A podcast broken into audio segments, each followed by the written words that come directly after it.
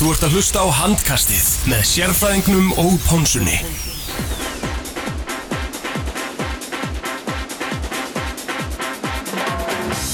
Jú, komið sæl og blessuð og velkomin í handkastið á þessu 50. kvöldi. Það er Teddy Ponsa sem helsar ykkur og með mér er uh, sérfræðingurinn. Og það er heldur betur, góðu gestur, engin annar en The Man, The Myth, The Legend, Patrik Jónsson. Velkomin Patti. Takk hjálpa fyrir það. Hvernig ertu svona á þessum fína 50 degi? Er ég er bara nokkuð góður. Ég hérna, er búinn að hafa frekar rólegan dag. Fyrst að ég hérna, var búið að vera í viðtal til ykkar, þá skipulaði þannig æfingarnar á Selfossi að það eruðu liftingar, svo svo Jóndi sá um það. Svo að ég er bara nokkuð góður. Fór í hérna ræktina með þess að, er svona aðeins byrjaðar að reyja mig sjálfur. Ok, hvað er þetta að? Herði, ég, konan dróð mig í hérna Nordica Spa Já. Og það sem er svo flott þar sko er að það er helviti gott þarna pottatir og svona eftir æfingar og, og eins og ég segi, ég er búinn að fara núna tvisar í þessari viku svo svo hérna, ég, ég heldur sé að komast í gang Eður meiri tími í loðunum eða pottunum? Herðu, núna þessa vikuna, þessi tvö skipti þá er ég búinn að vera alveg klukkutími í salnum Nó. og hérna nei, nei, mér finnst það bara líki ladrið að hérna, maður verður nú að fara að koma sér í form maður er aðeins búinn að bæta á sig síðustu ár svo hérna, ég ætla að taka þetta alveglega núna og setja press á mig Algjörlega, algjörlega. Herri, við erum náttúrulega í samstarfi við uh, 8FM í New Balance stúdíónu og við búið í Coolbet. Uh, Patti, veistu hvað veistu hvað 8 er eða? Já, já, þetta er hérna eh, út á stöð, helviti góð, hef ég Mhm. heyrt og, og hérna eh, ég er náttúrulega mikið í tónlistinni, svona minn er náttúrulega á fulli í þessu, svo að ég veit alveg hvað þú þekkir, þekkir lögin? Já, ég þekki lögin hans náttúrulega alveg út í gegn sko og hérna og þau eru örgulega spilað á þessari stöð svo að Mhm. hérna En 8 hefur gefið út eitthvað lög, þú þekkir engin með þeim?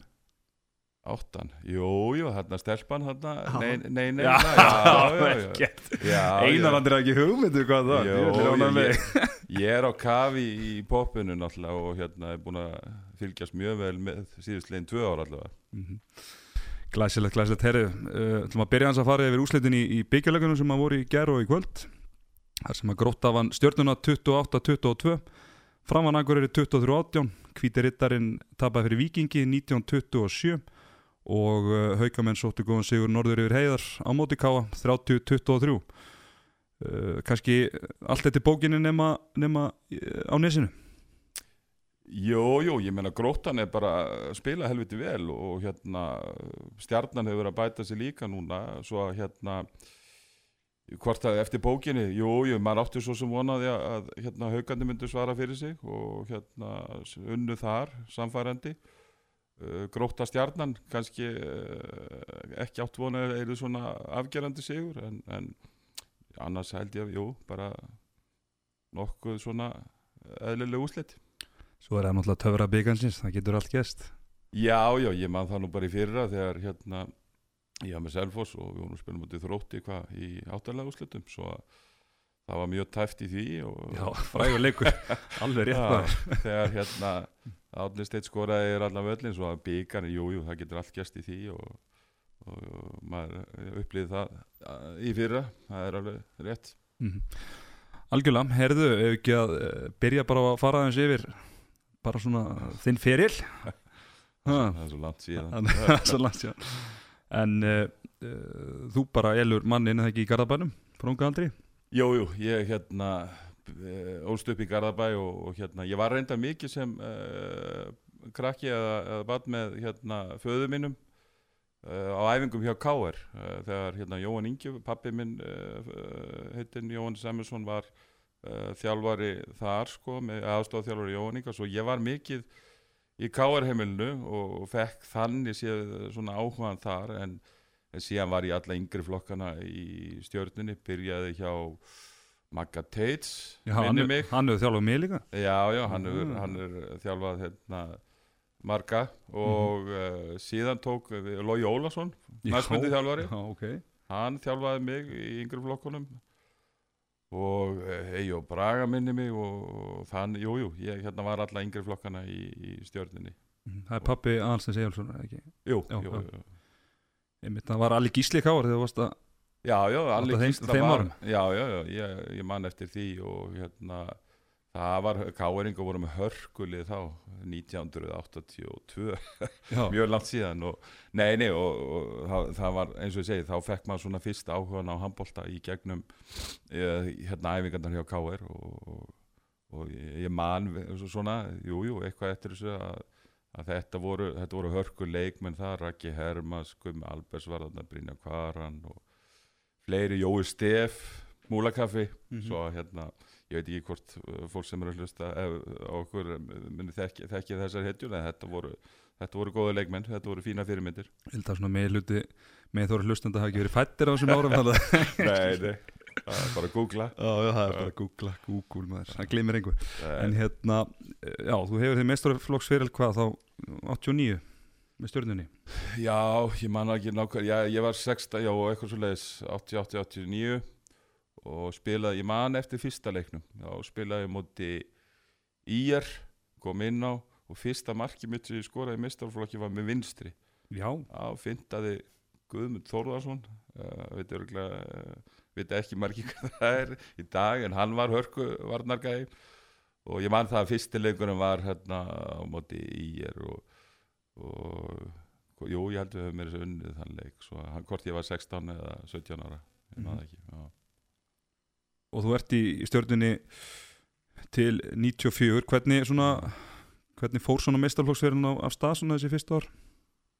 Jú, jú, þetta, ég var eh, sko heppin og óheppin er, þegar ég kem inn í meistarflokk þá verða líka skipti varðandi þjálfun á íslenska landsliðinu. Þorbergur Aðstöðsson kemur frá Svíþjóð og kemur heim og, og hann ákveður svona yngi upp liðið og, og, og, og tekur mig uh, og Einar Gunnar Sig hérna selfising inn í landsliðið. Og ég fekk fljótlega þar mjög stórt hlutverk varnarlega. Og hvort ég hafi verið tilbúin eða ekki það er annar mál. En, en ég allavega man eftir leikið þar sem hann var að spila með Geira Sveins og, Stjána þarna í miðjublokkin og, og það svona eins og ég segi það, ég náttúrulega var heppin að fá tækifæri og mjög ungur. Og, og spilaði þá hérna, með þessum mönnum og græti náttúrulega á því en En jú, jú, ég var líka pínu vittlisingur bara þessum árum og, og svona já, átti svolítið svona pff, já,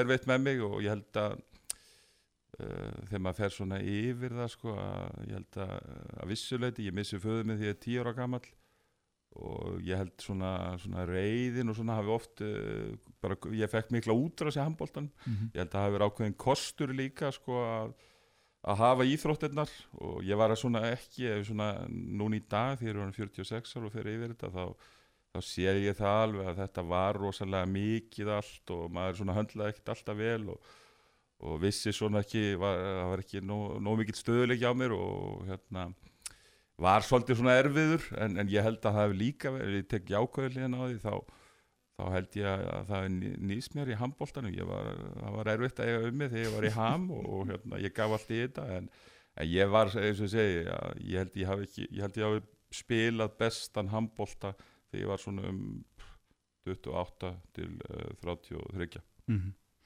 Ég meint það er skemmtilegt hérna uh, Geir Halstinsson sem uh, þjálfaði undir 21 áslið á EM uh, 93 eða HM, eða HM Já, úlinga Já, úlinga, Já, undir 21 ás Já. Það voru í, í þeim hópi ásand hér til dæmis Ólaður Stefansson og Dagur Sigursson Já, og hann var svona spurður út í því veital einhvern tímann síðan þegar þið voru allir þrýr burðarásar í, í landsliðinu. Já, Geir Halstinsson, mikið legend. Já.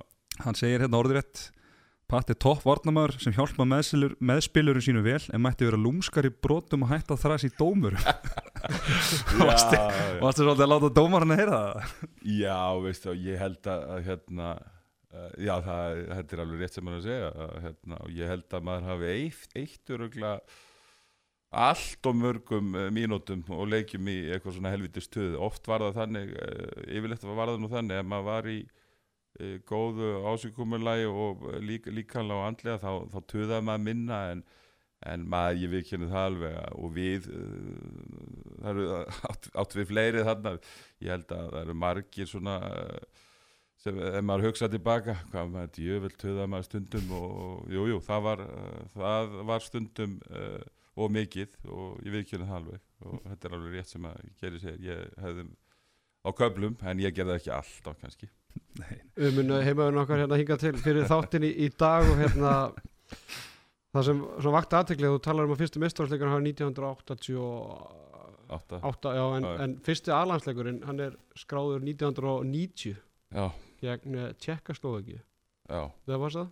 Já, Það, og síðan þarna 93 þá áttu, áttu sam- samkvæmt mokkanum þessu voru sem að er að búa með einhverja heila 60 landsleiki. Er það ekki svona full mikið lagt ekki- eða? 60 landsleiki á, á, á þreymur á-. Náttúrulega spilum heldur mikið en, en e, nú bara, ég veit ekki, ég veit allavega að ég endaði í 243 M Mhm. og spilaði í landsliðinu frá þessum tíma 90 og alveg til hvað 2003 eða eitthvað fjögur held ég. Og auðvitað einhverja pásur á milli. Ég bara, þið verður bara að spyrja Ívar eða ekki, ég með þess að hver skrifaði greinu, ég veit ekki 60 landsleikir á Það stakk svolítið augun allavega. Já, já, það, það er kannski aðeins svo mikið, ég veit það ekki. Mhm. en þú talar um að það hafi verið svolítið hérna já svona rugglut allur eða vittlisingur á þessum árum. Já, það er hérna, kemur réttatilkynning í 93 að þú sért gengin er ræðar FH já, já. Vildir, vildir fá að spila í Európu til, til að fá á þér?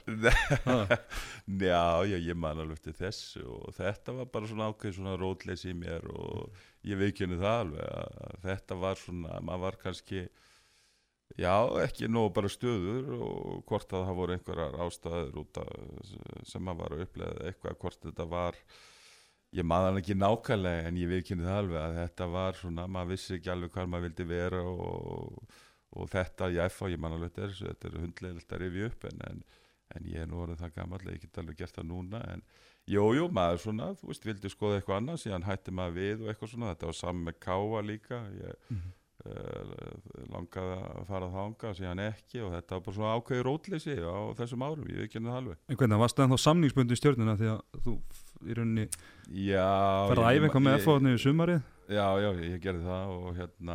og Jú, jú, þetta var bara klúður og það er ekki þetta þegra það eitthvað og leiðilegt kakart F-fáingum á þeim tíma, Kristján Ar og fleirum sem að og þetta var bara, eins og ég segi þetta, er, þetta, þetta var leiðenda múf og síðan bara fór ég tilbaka og, og hérna sá bara eftir því og hérna félagin bara listu það sín á milli, minni mig. En hvernig hérna, þú veist var þetta svona ekki að prófa eins og þetta er núna voru, var, eða varst þú bara þarna algjörlega að labba móti straunum eða?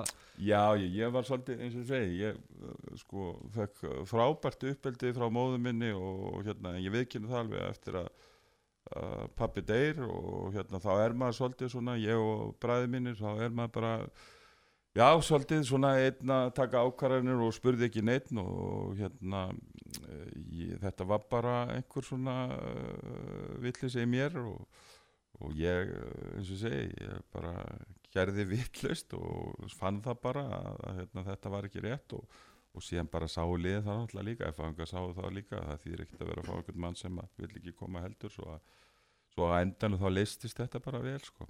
mm Algjörlega, ég hérna nýtti hans FH tengingana mína fyrir hennar þátt og, og spurði það svo í það tíma. Við erum svo vel undirbúnir það, er nefnilega góðum að sem að, sem að æfiði með þér þarna þennan mánuði að tvo eða hvað það var. Ok. Og hann talaði um eftirminnilega síðustu æfingu hjá FH það var, það var hérna esjuganga, esjuhlaup Já, Það var- nei, var það var ekki síða, var Ja. það ekki bara fyrsta Já, það var allan að þarna á þessu Já, ég fór alltaf að esjuna með Já, þá já, þá talaði hann um að allir hafi verið vel búnir þarna, hafi verið svolítið svona, svona norðan garri og ekkert sérstætt við, Já. allir vel hérna dúðaðir og í göngu sko, með þú mætti bara, í special bara í handball special og, og stuttarmannbóleiku Já, sko. já, það- það- það- Þetta er, já, já, ég, þetta er nú alveg magnaði sér að rifja þetta. En hérna, þú getur þakka Guðunni Átnarsinni fyrir já, ok, ok, já, jú, jú, það það, gefið peimeldamannin já, já, fyrst þú segir þetta, þá, þá, jú, jú, ég maður núna, það var heldur kallt, en, en ég fór allavega upp á topp með, Mhm. með þeim. algjörlega, svo spilaður þau söndu júnileikin F.A. Hauka Já, ég setti sjö. já, að tala Guðu með klefanum að það verið svona eitthvað svona, þú bara haldið þetta að vera eitthvað æfingarleikur svo hafi verið eitthvað svona stress í þér og Já, já, svo, fullt hús. já, svo lappaður bara í strangutin og það var bara, það var bara fullt út af dyrum bara Já, við leikinn, mannstu það? ef þið ekki- hann, þá ert þú ekki eini leikmaður FH sem hefur unnið eh, með 100% nýtingu þannig að því að Bjarki Bara Elísson, hann spilaði líka Þennan leik. Nei, sko, spila, já, Haukar F.A. leiki 17. júni, svo var 17. hann bara farin út Það. Ég held að ég sé með 100% nýtingu samt líka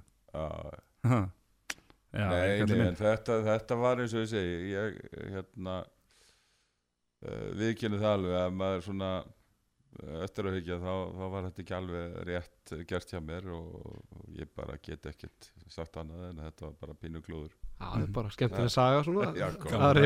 Mjög góð. Já, algjörlega.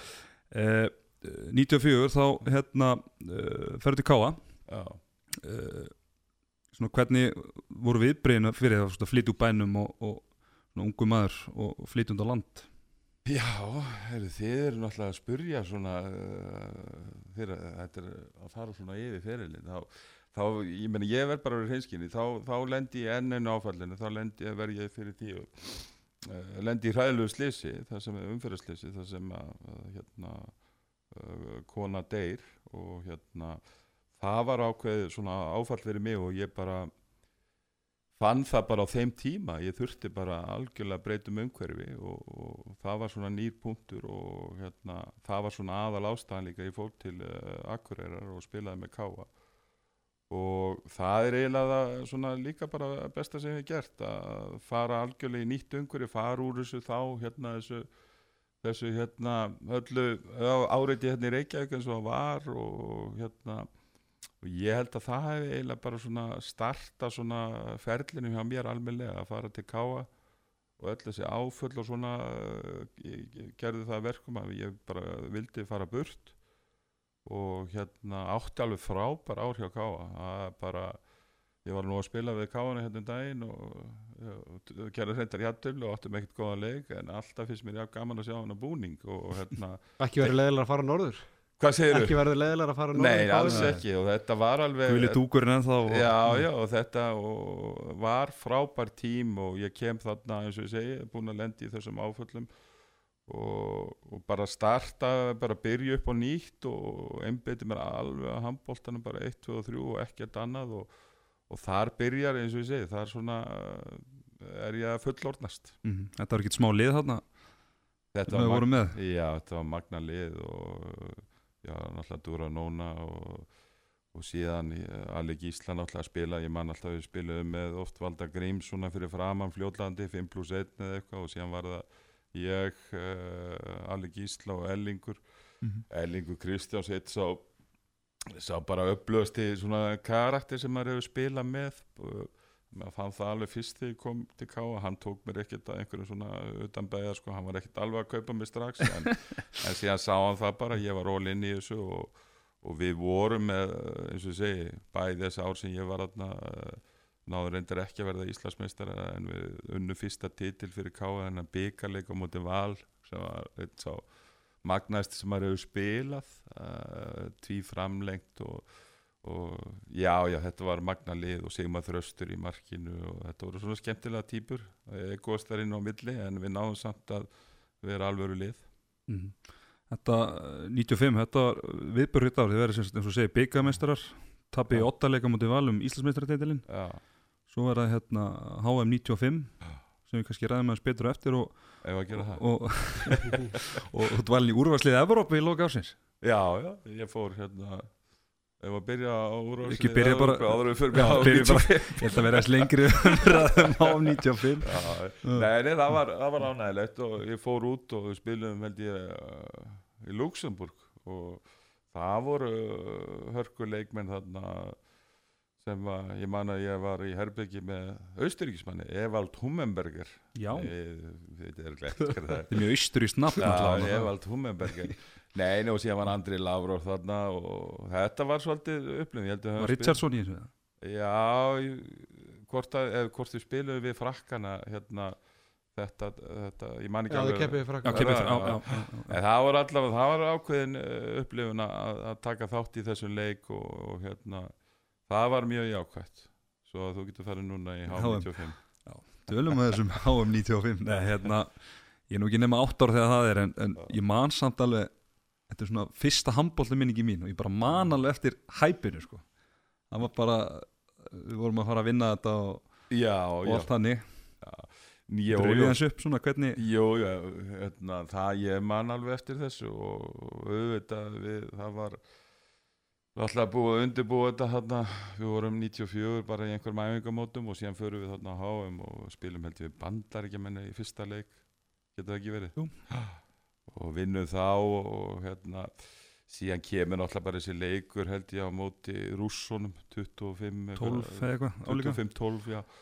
Jú, jú, þetta er eh, eins og ég segi, þetta var bara svona gott dæmi um það að, að, að sko þú veist hvort að menn, menn bara eh, eftir á ekki, menn bara höndluði ekki þetta, þetta áreiti og væntingarnar miklar og, og náttúrulega þessi rússaleikur sem var algjör katastrófa þá svona eins og segi, fer þetta loftið úr þessu og, og þetta var mjög erfitt mót og ég man það bara uh, hérna hvað þetta tók líka á bara eftir sko þetta búið, maður var alltaf þorrið út úr húsi sko. Þetta, maður, maður leiði ekkert vel eftir þetta og þegar við svona, þú veist það það vildi allir og það voru allir að leggja allt í þetta og það búið undirbúið þetta mjög vel og síðan farið bara svona skell og kemst síðan, ég man ekki hvernig hinu leikinu voru síðan á eftir eh, þessi rússalegur er svolítið svona feskur og við vorum bara ekki nægilega góðir og þetta bara hrundi og, og var alveg eins og segi þetta var, þetta var mjög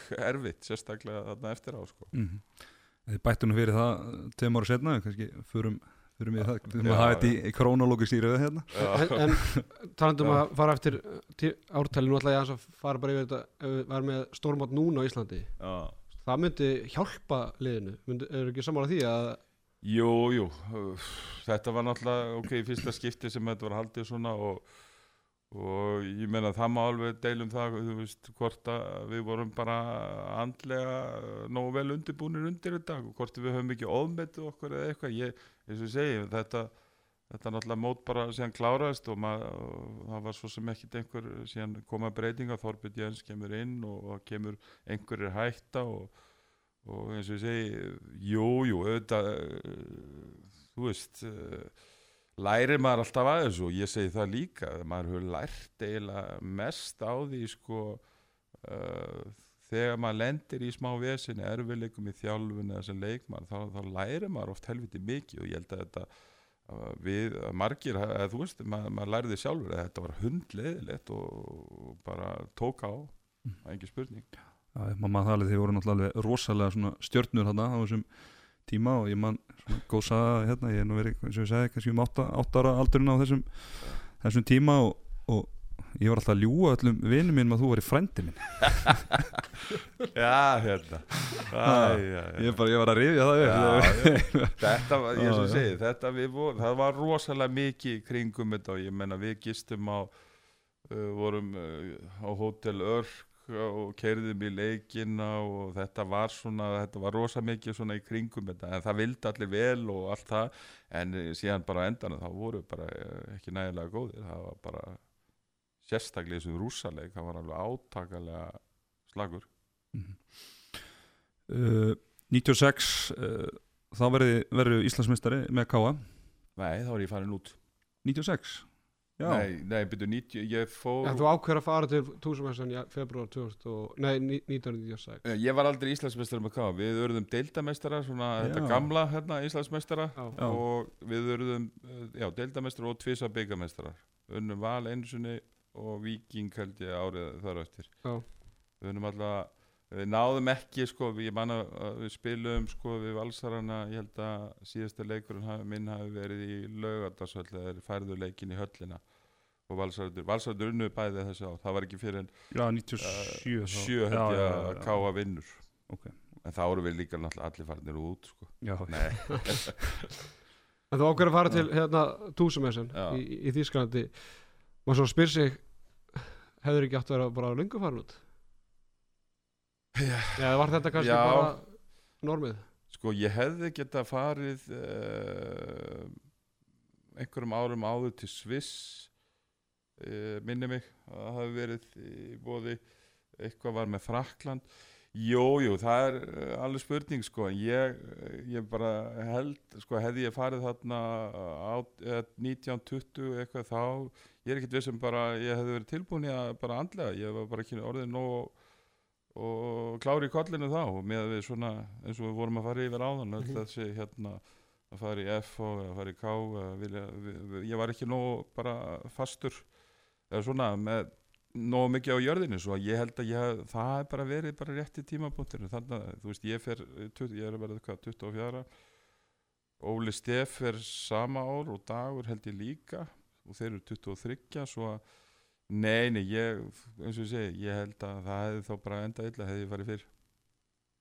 Þetta var frábært lið sem varst að ferja þannig í, í SN Já, þeir sko, ég var náttúrulega, þetta var svona lið sem að uh, sko var með ákveðna stjórnum, hann Alexander Tutskinn var þarna, bara einn öflugasta skýtta bara í heiminu þá og Stefan Hekker í markinu uh, þjóðveri og, og þetta var, eins og ég segi, þetta var uh, öflugt lið en samt svona, þetta var lið sem var Ég, þeir voru ekki búin að vera meistarar í einhver ár var, þeir áttu sín bestu ár þetta 1990 Það er mér tekið fram hérna í Já. að, að þeir ekki orðið mestar síðustu þrjú ár já, já.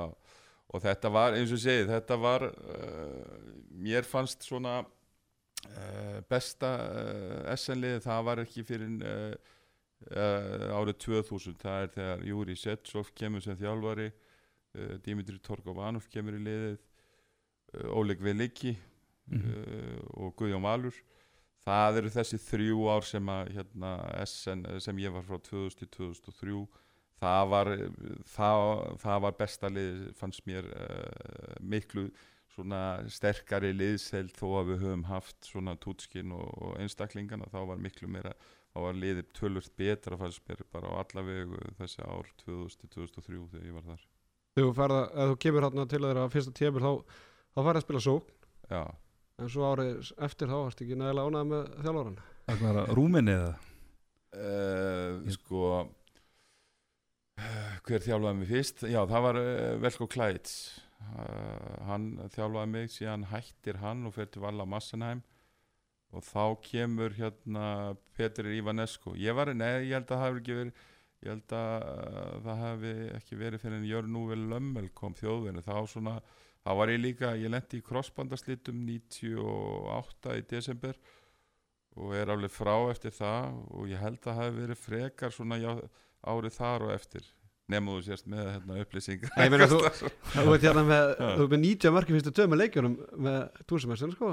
Já, ég man, ég man vel eftir hérna, fyrstu leikjunum mínum með SN, þá spilum við í Minden. Þá skoraði, þá var Siggi Bjarni í Minden og þá unnum við þann leik með áttamörkum og síðan var fyrsti heimalegur móti Kristján Ara í Valhalla Massenheim.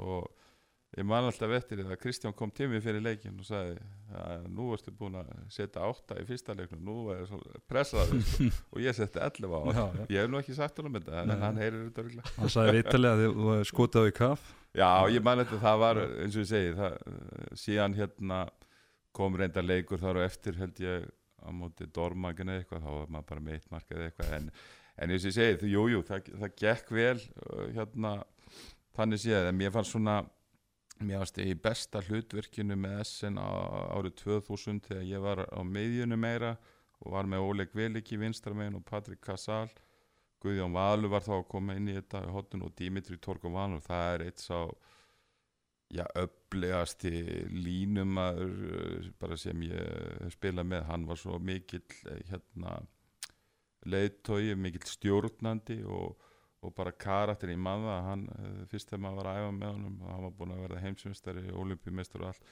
og ef maður var með einhverja lélega sendingar eitthvað sko, þá bara tók hann alltaf á sig þú veist, þetta, þetta var svona alveru þú veist, Það mætti fleiri taka þetta í sig Já, þetta, þú veist, svona lík, hvernig líkans tjáningin hans var og svona og, og ótrúlega flottur, flottur gæði. Ég var fyrirliði liðsins þarna en, en hann var náttúrulega þannig séð okkar svona, svona eins og ég segi, hann var ótrúlega öflugur leikmar. uh, Ef stöldur maður við uh, kannski fyrir maður tilbaka og stöldur við uh, heimsmyndstarmóti 1997 í, í Kumamoto Já, uh, það er tölvöld skemmtilega heldur. Það er tölvöld 95. skemmtilegra Það náði fymta seti, frábær árangur Hvað var svona uh, mesti munurinn á millisara móta? Uh, ég held að náttúrulega uh, það var svona léttara yfir minna Tobbi Jens tók við liðinu og það voru svona það voru ákveðna breytingar.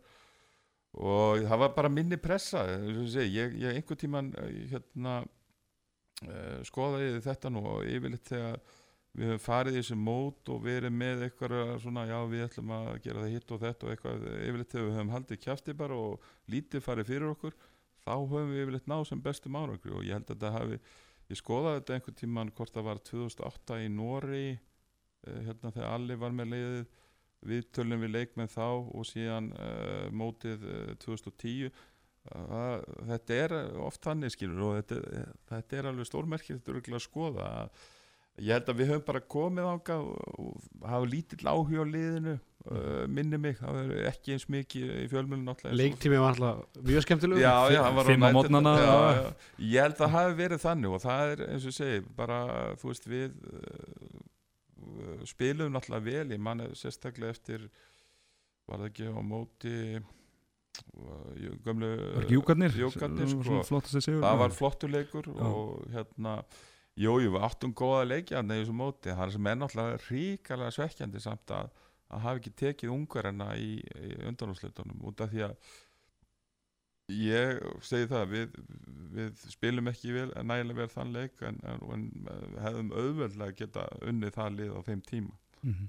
Ég er hérna fimm ára, ég veit ekki hvort ég sé að bulla en mér, mér fannst þess að hérna voru ekki einhver skólakrakkar í stúkuna náttúrulega kveitandi ykkur í ég, það, það var allavega uh, eins og ég segi, það var allavega vel mætt á þessu leiki og hvort að, að það var búið að hóa einhverjum skólakrökkum Ég man alltaf að myndavélarna voru sko býr rjáfri sko, veist. Japanin kann þetta sko. Já, nei, nei, þetta var mjög skemmtilegt og gott mót og, og leikurum, og ég man það líka við Noreg, hann var mjög góður hérna í, hvað var það í 16 leða eða hvað, í hérna þessu, til þess að komast, nei, var það ekki í 8 leða þarna, ég minni það þess og síðan spilum við ungarina og síðan reynda var mjög jákvætt ok, við töpum við fyrir ungurum en vinnum síðan spánverina um það var líka mjög flottur leikur, ég man að Geiri Svein spilaði stórkostlega í þeim leik. Og það var bara eins og ég segi ég held að við, við náttúrulega orðnir eldri hérna sem vorum komið inn í þetta og bara svona andlega bara sterkari í, til þess að höndla þetta, minni vendingar og fengum svolítið bara að vera í friði. Mhm. uh, Förum áttu til lesin ok, hérna, uh, talar um að 2000 til 2003 hafi verið svona uh, liðið að verið sterkast þar. Já. Tímabil 2001, 2002 þá byrjað þú helviti vel. Uh, er þetta mark, annar markasti leikmaður búndislíkunar lengi á tímabilin og skora 16 mörg úr 18 skotum gegn Hamburg, maður eftir þessu leika? Þetta er ekki mútið Hamburg, þetta er mútið Hamel. Mútið Hamel? Já. Okay, Frétta eftir morgunblænsins á þeim tíma með allt lóðrétt? Frétta með morgunblænsins á þeim tíma með allt lóðrétt Þá mútið Hamel já. Það var á móti Hamel, ég man eftir því og hérna, já það var bara svona leikur sem ég man að, veist, kom hann einhvern tíman hægra megin í gegn og tók einhvern snúning sem ég bara, aðeins svona einhvern öfðan og eitthvað, það var bara, uh, það var allt sem gekk upp í þeim leik og auðvitað var, það var reyndar eitthvað á vítum minni mig, en, en jú, jú, það var mjög gaman að ná að setja 16 mörg og ég held að það hafi verið markmannir hérna Karen Bú, Karen Ba, hérna, hérna í franska landslinu, þessi nummer já. 2 eða sem sagt var með, með ómægir oft hérna rétt á bara. með dreddana það var þarna. alltaf nummer Já. 2, já nei, nei, jú, jú, það, eh, 2001, já og það uh, það er árið sem að Guðjón Valur og Júri koma Setsov Mhm. og hérna jú, jú, uh, jú, það gekk, eins og ég segi, maður, ég man alveg eftir þessu 16 mörgum en ekki að endilega ég hafi verið að skora eitthvað mikið í það árið, sko. En það ímynda sig líklega að þá flestir að Guða Valur hafi verið í vinstra hotnun en, en svo var Já. ekki alltaf. Með SN Já, Nei, Júri eh, Sjetsov, uh, hann uh, hérna tók Guðjón og það var svo gaman að fylgjast með þessu og þess að hann er ennþá að spila í dag þetta er alveg magna dæmi sko að ég maður svo vel eftir þegar Guðjón Valur kom árið 2000 frá Káa að hvað uh, Guðjón var sjálfur svo duglugur eftir æfingar og þá voru margir þarna gömli jálkunum að hrista hausinn hvað er hann að skjóta þarna endalust og, og Júri var líka mjög mikið að vinna með hann og ég held að ég held að hérna, Júri Setsov hegi stóran þátt í því allavega svona byrjunin hjá Guðjónu Val að- en auðvitað Guðjón sjálfur að hérna, hann var alltaf uh, hann æfði meira en aðrir og hann gerir þau örglega þetta en dag þess vegna er hann ennþá að spila Mhm. Var hann ekki að spila eitthvað miðju og skittu á þessum tíma? Já. Jú, hann, hann notaði hann eh, sko, það var nú svolítið magnað að hérna, Júri var með svona 6-0 vörð sem að eh, byggði svolítið upp á því að sko, eins og mörglið er að spila í dag með, með hérna, framlíkjandi bakverð og pressa út og eitthvað svona en það var sko engin smá pressa og ég man það ofta, ég var í bakverðum og Guðjón var, var í vinstra að ég svissaði oft svona þetta voru svo, svo löng hlaup fyrir mig að, hérna ég leta hann oft þarna og, og Guðjón, hann notaði hann líka jújú, jú, hann notaði hann á miðinni og hann var náttúrulega í samkeppnum við uh, Þískan þannig sér landsliðsmann Stefan Krebitke uh, sem að var svona í kringum landslið ekki að Kretsma var held ég á þeim tíma alveg með þessa stöðu. Svo að hérna hann þurfti eins og segi fyrsta árið en síðan bara held ég að vera annar árið þá bara tók hann þetta og, og var nummer eitt sko. En hann, eh, það er náttúrulega kosturinn að hann, hann náttúrulega gatt og gerði það líka hérna með Káa og hann náttúrulega getur spilað fyrir utan og ég held að hann geti gert það líka í dag sko.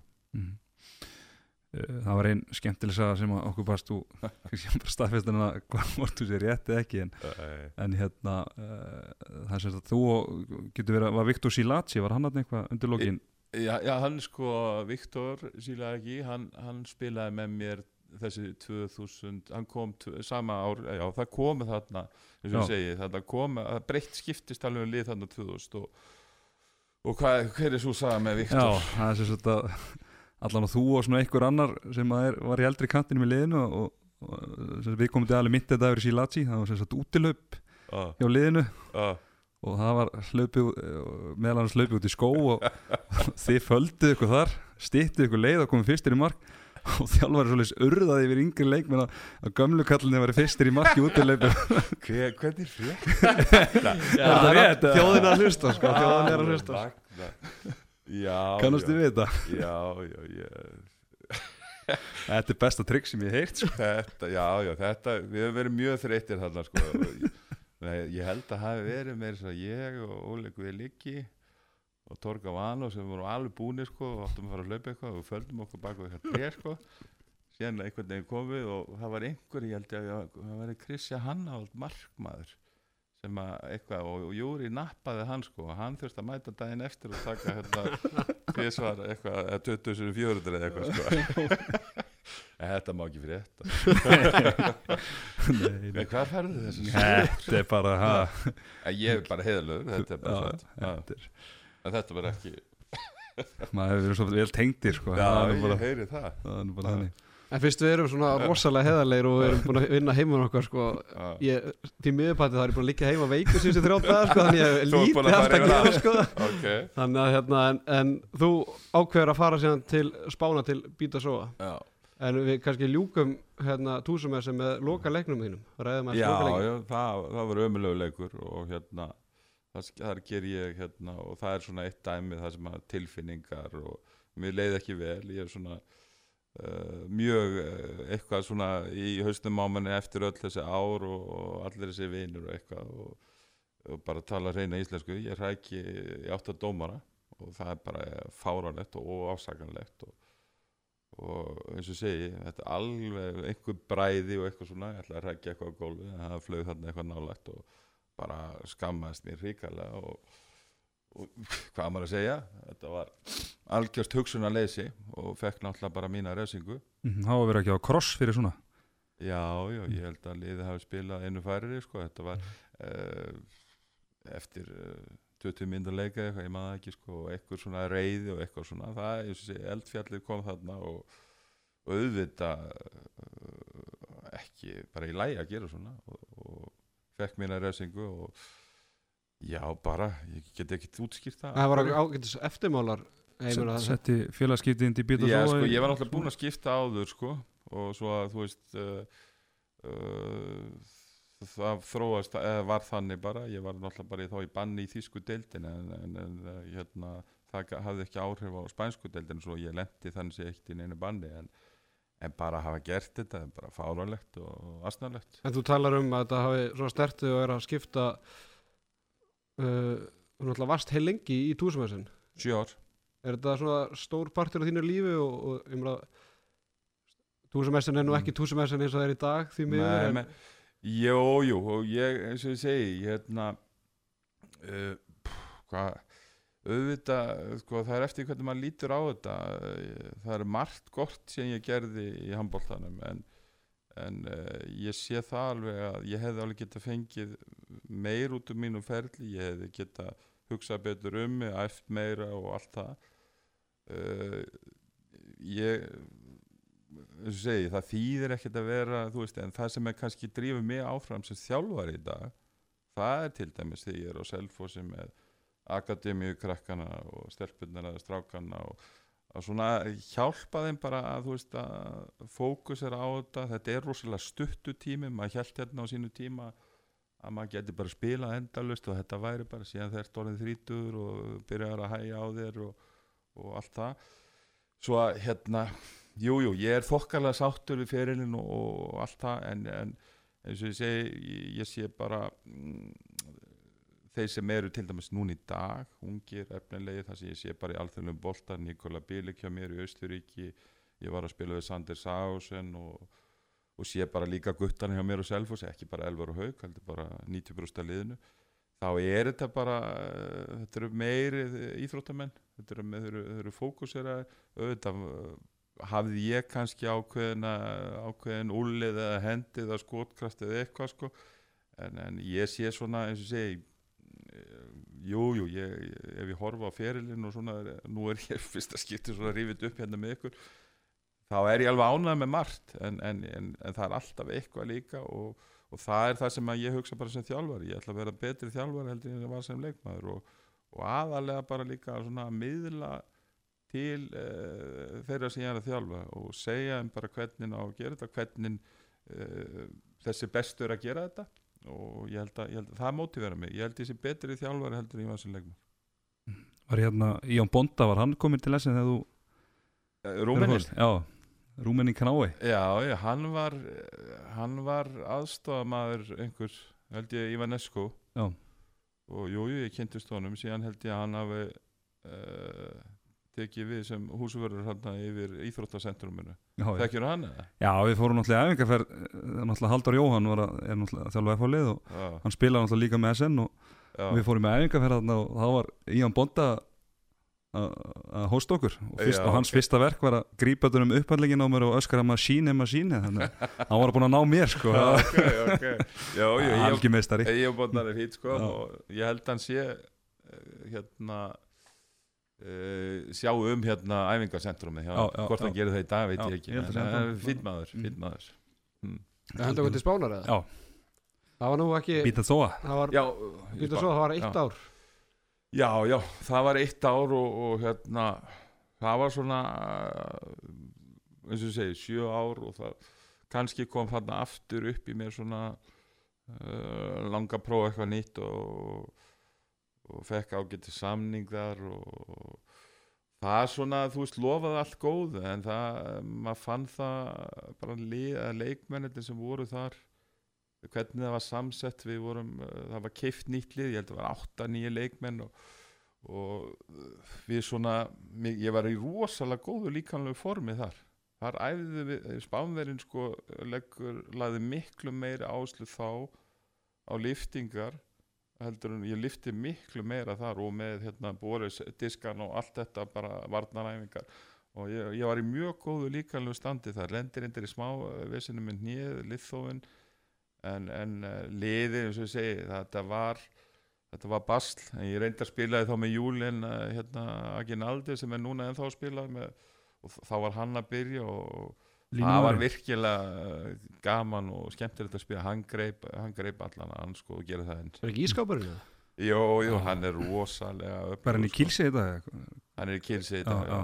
Hann er og það var svona byrjun og þá var hann hérna ungur að byrja sem fyrir fór síðan held ég til uh, Ademar Leon og Mhm. síðan til Óla uh, Síðan. síðan til Nei, nei, það var svona ævintýrið, það var reynda rosalega gaman að búa þarna í, við byggum í í hérna Honda Ribia heitir það rétt fyrir utan Írún þetta er æðislega staður og það var ákveðið svona uh, upplifið sig að, að vera þar bara með fjölskylduna og en, en síðan bara, eins og ég segi, það var uh, kom svona margt saman að mér gekk þannig síðan ágætlega þá að persónlega liðinu ekki og síðan fundum við það bara þá kom hérna uh, fyrirspurt frá Þýskalandi þryggjára samningu hjá mynden og þá bara við vorum búin að vera þar og það er svona allt svona utan handbóls þá er Þýskaland svona tölvert svona auðveldara land bara varandi bara allt systemið og svo við bara vildum eh, bara fara aftur þangað. Já, líka, það var talað um að þetta hafi verið einhver fjárraks erfiðleikar hjá Bítas á þessum tíma? Jú, jú, eh, þeir reyndar eh, ég ætla nú bara heðarlega, þeir borguðu reyndar allt sem þeir átt að borga en, en jú,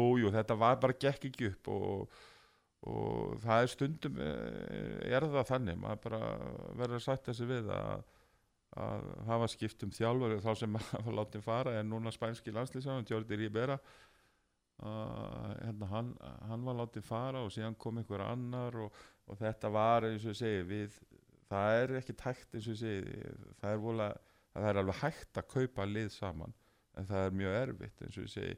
Það er mjög mikilvægt að sé þetta hjart og þessi samstæðu leið og koma erfiðleika þá voru menn farnir bara í sikkur áttina það var bara þannig. Einmitt það. Uh, uh, Þetta ár hjá myndin Já, Það er þetta að spila með Róberti Sigvarsinni til að mynda? Nei. Nei, Þú veit alltaf að gera það fyrirlega já, já. Ég var, ég var, það var engin Íslendingur í myndin Nei það er Ég ætla hérna rétt að vona Nei, Robby Nei, nei. Sigvarsson er ekki í Nei, í myndin það er- sko.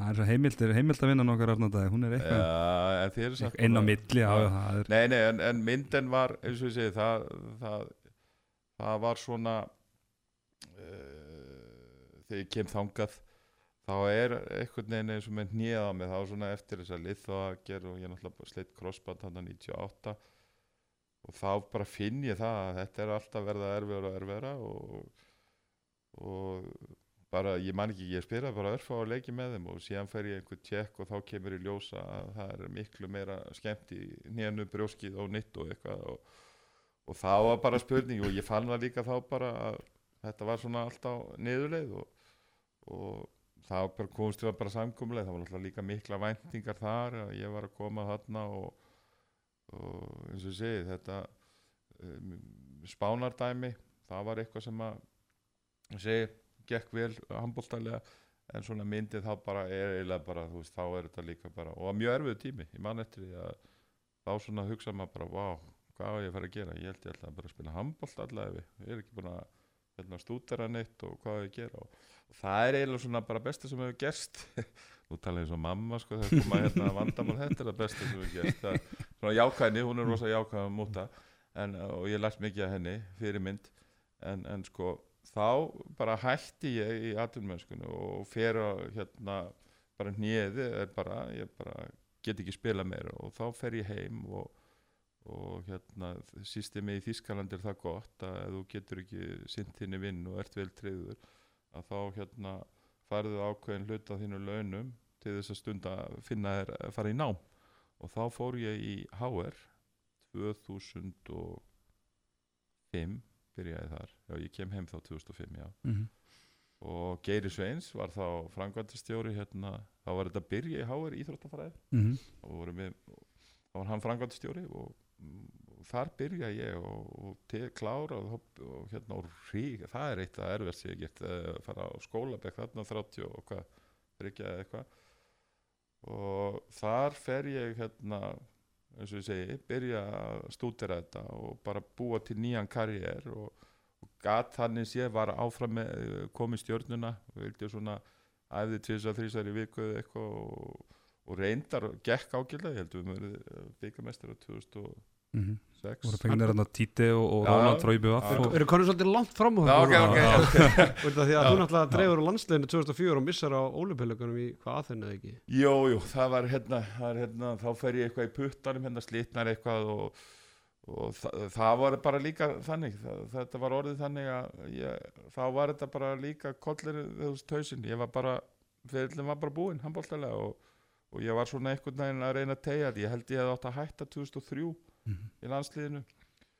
Og en maður svona þú veist uh, það er ofta erfitt að sleppa þessu og, og 2000, mótið 2004 var alveg skelfilegt þarna í einhvers þar en mótið 2002 það var EM í ég, Já, ég búin að, já, já, já, það var frábært. Já, við ekki bara tala um það frekar. Já, já, tölum ekki um 2004 þú spilaði frábælega á, á, á, á HM 97 og jafnvel enn betur á EM 2002 og það lendi í Já, það, það var frábært mót og hérna, ég man líka bara í, var það ekki í undankefninu, kom, vorum við ekki að spila kvíturúsa þegar Fúsi setti 20 mörki í tveimur leikjum var það ekki þá eða? jú, eitthvað leys Já, og það var náttúrulega Fúsi í alveg fáranlega góðu formi sko uh, mann eftir því já, já, EM 2000, það var náttúrulega spáið í það strákar þá, þá spilum við held ég átta leiki á tíu dögum mm -hmm. og enga smá leiki sko. þetta voru þjóðverjar minni mig, þetta voru frakkar og það var rosalega það er svona það er það mót sem að uh, við ákveðum að hérna ég man alltaf eftir þessu að hjá SN vorum við með svona hraðablöfsystem þar sem að ég og Óleg Viliki eða tvær skittu báru upp boltan og ég man að við færðum þetta yfir inn í íslenska landslið þannig og við skorum held ég mest allra lið úr, úr hraðablöf hvað fjóri tveir þá það Já, bara tveir að byrja boltan, það var yfir- yfirleitt ég og Óli eða Dagur og Óli og bara tve, tvær línur sko. Já. og, það, og þú veist, hvort að það er þetta er ekki eitthvað, eitthvað súper en allavega vorum við með þetta system og ég man að við vorum vorum helviti góður í vissum nákvæmlega ég man alltaf eins og Júri að þegar hann var að leggja upp hjá okkur að, að, þú veist, að senda og hlaupa og þú veist, ef þú æður þetta alveg stanslust þá var þetta bara svona automatist og þetta var þetta mót, ég man ég að við vorum að vinna þessi leiki bara á vörn og hraðaflöpum, Mhm. vorum með solid markvæslu minni mig og, og síðan vorum við margir að spila vel. Ég held að við höfum flestir verið bara að spila helviti, við minna einar öllni í hotninu og, og gaugi hverju voru fleiri þannig Óli Dagur náttúrulega. Mhm. og, og auðvitað var þetta reyndar þá og það er náttúrulega orðið öðru í stað. Þú getur það ekki í dag, ef þú varst í byrjanleginu þá varstu bara að spila alla hennins leiki, alla mínútuna. Það var búið að lítið skipt inn og það varstu varamaður. Og það var ennverð og þegar bótan og þeir voru í Hamilton Mhm. Gunni Gunn og þessi mættu með púða á bekkin og hérna við Það það er ekkert inn á það en, en það var, þetta var frábært mót. Og eins og ég segi svekkjandi að það hafi ekki náði í medalíu en, en, en ég man að liði var líka rosalega þétt. Mm. og 2003 líka HM ég fer í það þá, þá var það líka gott mót Býðið þendi hvar, var það ekki hvar, var sjúönda? Já, þá komum við þá triðum við okkur einmitt já, unnum ó, ég man ekki hverju unnum en, en við allavega unnum úst, eh, síðasta leikin til þess að tryggja okkur inn á og 2000 Já, 2004. þennu Einmitt, einmitt uh, Herra, þá skulum við bara fara aftur heim já, Þú já. byrjar að tala eins um hérna svona upp af það kannski þjálfarferðlinum, þú byrjar Já. að menta þarna í HR ég, Já. ég frétti þetta þú hefði kert uh, sögur til kepla ykkur alltaf með Agli Gilsin ekkert á hverjum degi. Nei, það er nú ekki satt. Það er ekki á hverjum deg Var hann að segja það?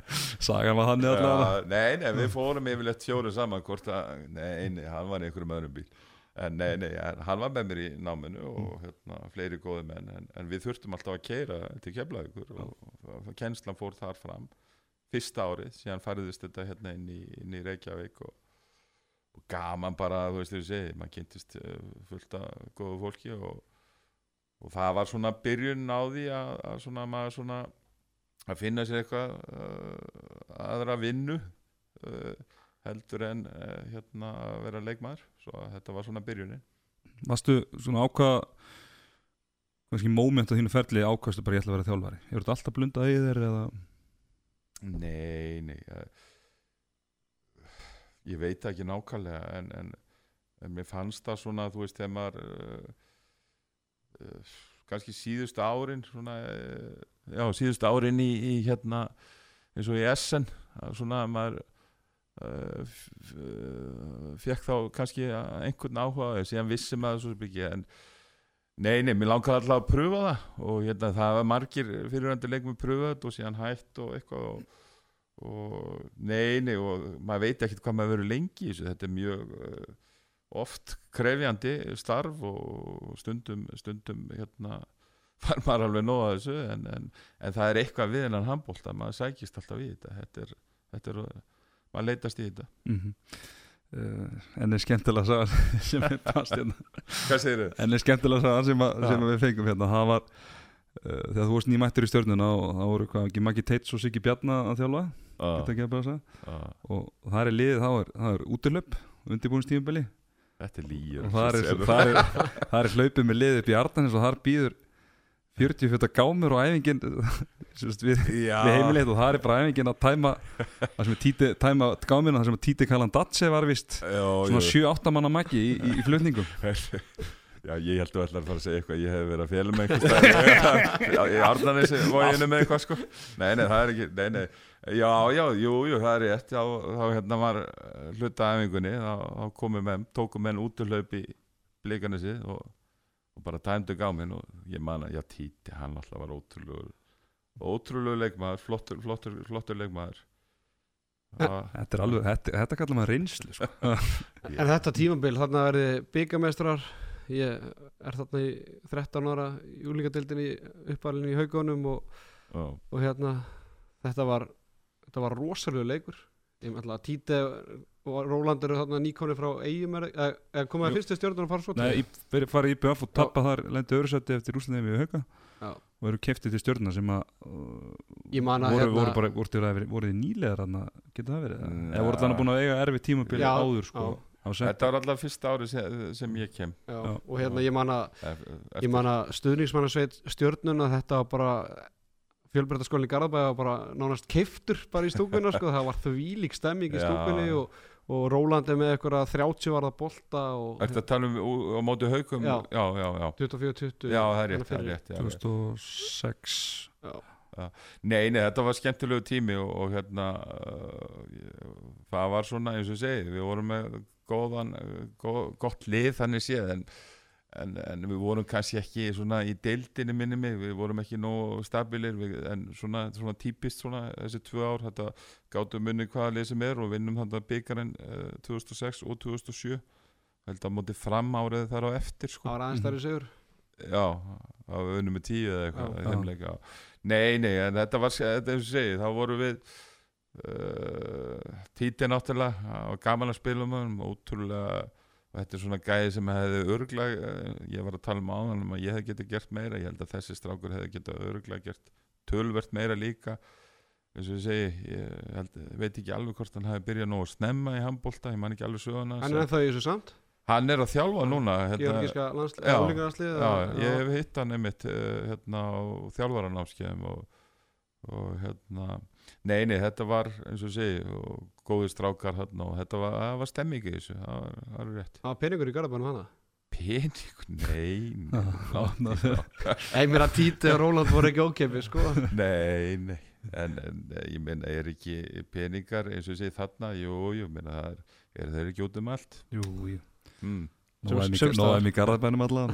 Ja, Það er aldrei vanda En það er til myndaðir hérna að lifta byggarinn árið 2006, eða Mm. 2007 þá ertu með sárbindum hausinn fegst eitthvað höfuhögg þarna í úrslutilegnum já, ég man eftir því hann, hérna, ég man, hann, hérna, varnamaðurinn hjá þeim, hann fram stóri Rauðbyrkin Brját, Já, já, tölvukennari tölvukennari minn í Vestló já, ok Ég held að að var að tala um Jón Já, nei, nei. Brjáns, það muni ekki margir Þetta Já, er sko. við var- sköllum saman og, og hérna og það opnaðist þarna eitthvað og, og ég man nú ekki hvort ég jú, ég kom aftur inn á sko. það lítur að vera Kláraði þetta Já.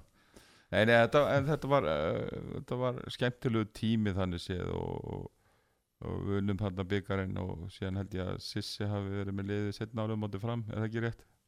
Sissi, Kristján Halldórs Jú, Svo, og þá svona uh, hætti ég þarna uh, 2008 held ég Já, Já, það vonbreiði það tímabil ef þið lendi í Já. fymta sæti þrjú ári röð í, í, Í með deildinni? Dild- Dildinni, Já. já en byggamestara tvisar það var svona smá bygga Já, já, þú veist, það vantaði bara þetta er svona, þú veist að við vorum greinilega með svona lið sem gatt unnið einhverja leiki en, en uh, kannski pínu vombrið að vera ekki ofur í, í deildinni sko erum flotta mannskapana, Rónaldur Ratsel, Lindu Mortens, Björgun Holgis Gunnar Ingi Jóhans, Heimir Átna, Jón Heðar Gunnars, Kristján Svan, Ólaf Víðir, Vilmur Hauksson og þarna Kísil, er hann ekki úgrænum maður eða- Já, og svo náttúrulega Stimmi sig já, ég stimmi náttúrulega, það má ekki glemma honum Má ekki gleyma Stimma, Ha, sko, nei, ha. nei, nei, Hann var öflugur sko hann er mjög ánæður að heyra þetta Já. núna. Ha. hann, hann, hann fekk nú einhver, ég man eftir því að svona síðustu leikjunum hann, hann náði allavega að loka sínu ferli með, með með sæðan 20 bolta uh, leik Já. sko. 21 árs En þetta lítur að hafa alltaf að gera me- eða svona, Jú, jú, e, e, ekki spurning og, og, og flott byggameistarar en, en alls ekki nægilega gott hjá okkur að hafa ekki náða að vera ofar. Segi, fymta sæti eh, eins og þú veist að segja, það er enga veginn gott. En 2008 þá er það kaplaskiljaðar þá, þá hérna byrjaði þjálfarferðli Já, ég byrjaði svona með Sissa að aðstofa hann og, og hérna ég man nú ekki hvað ári ég tók síðan við á honum. Var það 2008, 2009 2008-2009, já. En ég var svona árið þar á undan þá var ég svona aðstofan aðeins og, og hérna en svona ég tek svona við liðinu 2009 og, og síðan eh, já, síðan kemur við fengum fáum þarna einhverja leikmenn Fanna fara Þorbjörns þeir og þetta var algjör eins og segi, þetta var svona hruns dæmi. Þetta, þetta var mjög erfitt en, en, en, en líka bara maður sér svona ef maður hugsa tilbaka sko og ég held að sé bara þetta er eins og maður segir með, með, með alvöru, eða leikmenn, þú verður ekki alvöru landslismæður fyrir að búin að spila einhverja 50-60 leiki og ég held líka með þjálfara sko að maður þarf bara að fara í gegnum gegnum ákveði skilur ég mann þarna þá kannski mæti maður og heldur maður viti meira heldur maður virkilega veit og, og kannski ítti ég líka ákveðnum kannski reynsluboltum í burtu í staðan fyrir að halda þeim og svona sem ég myndi alls ekki gera í dag. Og neini og, þetta var svona þú veist fjellum þarna og, og, Já, þið fallið 2009-2010 Já, árið eftir, Árið eftir. Já, ok, fyrir, höldum okkur þarna fyrir árið og setna árið þarna já, Þá missið Já, þá fyrir allt í vilja, þá setna árið, ok, ég er rugglega þessu. En allavega uh, eins og ég segi uh, uh, þetta, maður þarf bara að fara í gegnum það, er bara eins og leikmaður þú þarft að fara í gegnum ákveðin uh, tíma og allt það og það er bara líka sem þjálfari skilur, maður finnur það bara ég, ég finn bara á sjálfum núna í dag bara hvað, mér finnst ég að vera búin að læra frá því fyrra ákveðin atri og, og þetta er alltaf, þú veist, um leið og heldur og sért með þetta eins og maður heldur oft þegar maður kannski að byrja svona, kemur svona eh, óöryggi, brýst kannski út í einhverju svona hróka að, að, hérna, en það er þá bara óöryggi að og þarna var ég, þú veist, ég bara var, uh, þetta ár og það kemur margt inn í þetta líka, ég man að við missum þarna einhverjir fara eða hætta eða eitthvað. Það er fara út hann í Já. andurmösku einhverjur og þetta var svona mjög erut, síðan fer ég þetta til Emstetten og, Mhm. og aðeins, stöndum aðeins stöndum aðeins, út af því að Ok. þetta er svona aðeins nær mínu tíma og ég er þarna aðeins farin að fylgjast meira með ok, oftar við kringum hann að mentur aldurinn og Mm. þeir eru farin í mýrin þarna. Já, og hérna, já, en núna er ég bara ennu aftur að, ég elska að hugsa upp átt Er það ekki ein stærstu mistök stjórnunar?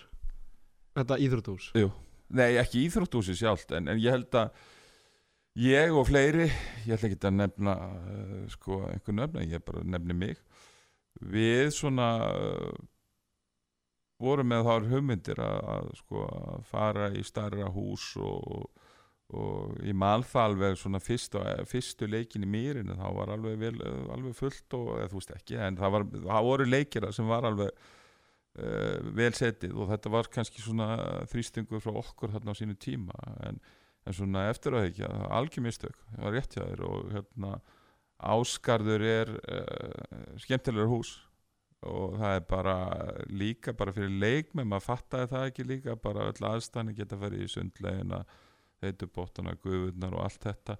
Og þetta er bara uh, svona opnara.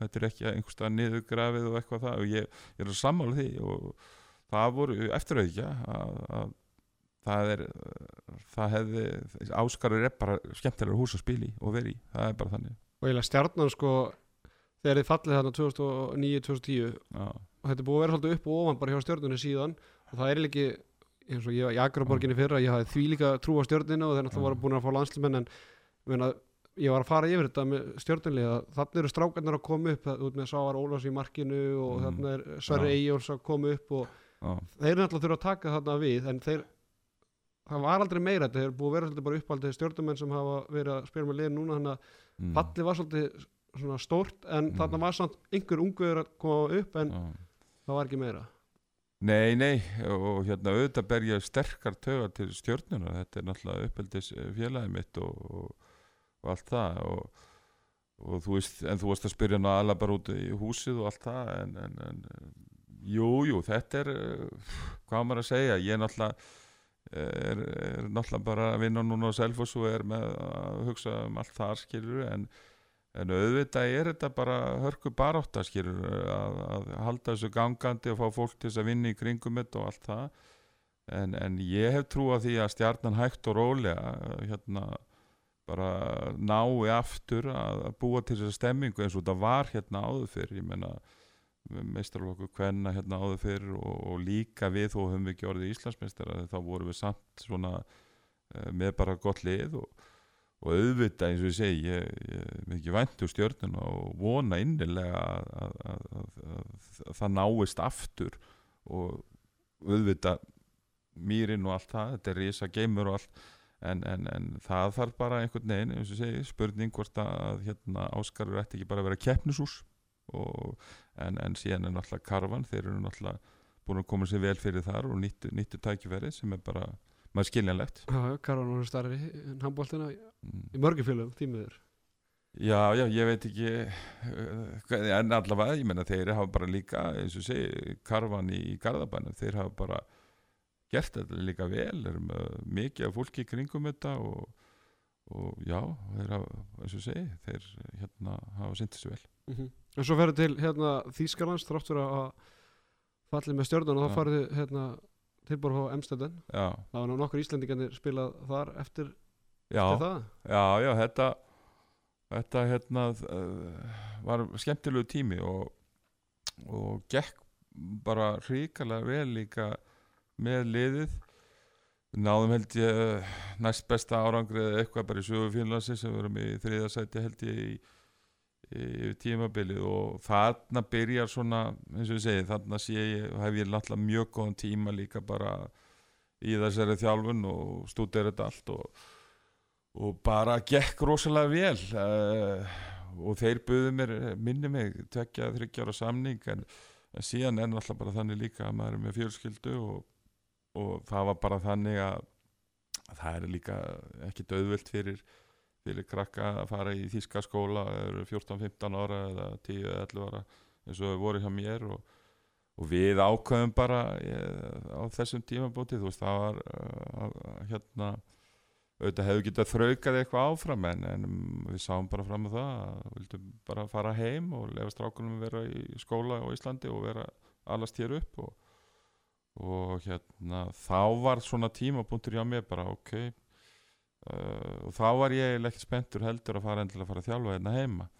Og það hefði alveg hefði, þá kemur það upp að 2011 að Magnús Andersson hættir eða látin hætta hjá Östuríki og það svona uh, losnar það starf.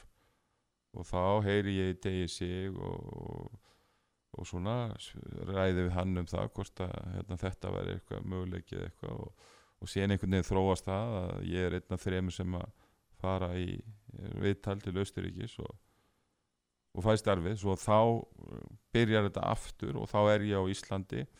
Reyndar eitt slæmt við það að uh, ég var þá að vinna sem íþróttafulltrúi Garðabæður og, og, og fínni vinnu þar en mér var hálfpartin stilt upp við veg þar að velja á milli. Að ég, ég, ég mátti ekki vera í báðu þó að það hefði auðvitað gengi, geta gengið upp en, en, en, en þannig var það bara og, og ég valdi bara að fara þessa leið í staðan fyrir kannski öruguleiðina og sé ekki þetta því ég er ennþá að vinna þar það er ótrúlega tími en ég meina þegar við erum búin að tala um því líkan Mm. leikmannaferil hann eru búin að, búin að vera þjálfari í fjögur ár og svo farið bara Mm. landsinsverkefni þetta er svona já, já Það kemur svolítið óvart ef maður talar um þetta núna þetta er, þú ert ekki búin að þjálfa henni með kannski fjögur ár og þú ert orðin landsleistjálfur í Östuríki Jú, jú, en stundum er líka bara, uh, ég meina, kíkta á uh, Flensburg, uh, Ranjas hafði aldrei Mhm. þjálfað, mm -hmm. valla yngri flokka held ég og hann tekur við þeim, Mahula uh, sem tekur við og gera það þýskum mesturum í fyrra, hann var ekki búin að þjálfa neitt. Og þú veist, það eru fullt af svona dæmum sko að hérna, þú þarft ekki að auðvitað er, eins og ég segja, allur, uh, þú veist, grunnur og allt það, en, en þú getur alveg sko uh, staðið þó að þú veist, þú ert alveg með íþróttin og allt það og, og hérna nei, nei, en, en allavega þróast þetta þannig að ég fekk hérna Östuríki á þessum tíma og, svo stuttu senna þá kemur á hlýðarenda já, og það var hérna uh, 2012 Mhm. já. já, já, ég veit það hérna það var bara, þú veist, spurningar sem ég segi, þú veist að uh, rætti við þarna nokkra og, og ég er alls ekkit eitthvað sár eða svegt út í það það er sá tími sem að ég lærði eitthvað líka mest svona í framhaldinu að þá kem ég í lið sem er alveg rosalega stórt mikla sögu og, og þetta valsmerki sem ég ber mikla verðingu fyrir eins og hjá mörgum öðrum fjölu en þá er það bara þannig að, að það eru átt að koma einhverju leikminn átt, ég átt að út við einhverju leikminn sem ég, og það klikkar eitthvað, þetta hrinur hálfpartin og, og, og ég fann það fljótlega að, að við vorum gekk reynda rosalega vel í undirbúninum og hérna unnum flest alla æfingarleiki sem er yfirlega ekki gott. En, en ég fann það eins og segi það var, ég náði alveg eins og segi þetta var, þetta var ákveðin skóli og, og, og þú veist ég laði mig alveg 100% í þetta og strákandi gerði það líka og það voru þannig ungi leikmenn eins og ég man ekki, indislegi strákar Svenni, Smári Já, og Agnar Smári Gunnar og, Já, þetta voru indislegi guttar en þetta var svolítið svona þúnt fyrir okkur alla að bera þessa valstriði þarna. Við vorum bara ekki nógu þéttir, það var ekki nógu breiður hópur. Og maður sá það síðan líka eftir að ég fer þá náttúrulega bara kemur Óli Steff og það er bara fengið bara hver einasti leikmaður sem spilar handbólta er bara í umræðinu um að koma á hlýðrænda svo það breyttist rosalega líka þannig menn sáu það líka að, og ég held að það hefði bara verið það besta sem ég, ég vissi það líka að hérna áður en að að þetta bara slittaði samstarfi þá vissi ég það náttúrulega að Óli Steff var að koma og, og síðan haugarnir voru að leita þjálfara svo, að, svo ég held að eh, allir hafi bara grætt á því. Valsar fengu Óli Steff heim og ég fór í haug og varði Íslandsbyggar og deildamestri en aðeins að, að valstímanum af því að þetta tengist nú, ég var að spila með áður og tekur við þeim. Og náttúrulega þegar þú kemur í val þá náttúrulega fer Anton Rúnarsson út og Sturla Áskilsson fer í IR já, og þeir voru tveir langmarkaðast leik með vals Já. undan og ég æfið það einmitt með hérna val á þessu tíma Já. undirbúinast tíðanbíl og hérna maður fann alveg svona Mm. smá gremju þú veist, það, Já. félagi var í krísu við lendum í sjönda seti held ég en ára undan og Já. veist, það var ekkert fyrir þetta óskapendin ætla að fara út hann til Víborg hann að og auðvitað þú að koma hann inn með þvíleika vænting eða svona Já. vilt mikið skilja en svo bara gerðist ekkert nei, og ég fann alveg svona þú veist það var Antoni farin, Sturlaði Já. farin og tvo, tveir langbestu leikmenni samt voru við í sjönda seti und, undan, Já. ára undan Já. Þannig að- ég veit að þetta er nákvæmlega það sem gerist og hérna og þetta eins og ég segi, nú er ekkert mál að tala um þetta og þetta var rosalega og, þú veist í dag þú veist ég hitti þetta, þú veist ég á marga vini í val og, og hérna og það, segi, þetta var bara ekki að ganga upp og, mér leiði ekki vel, þeim það, þetta var svona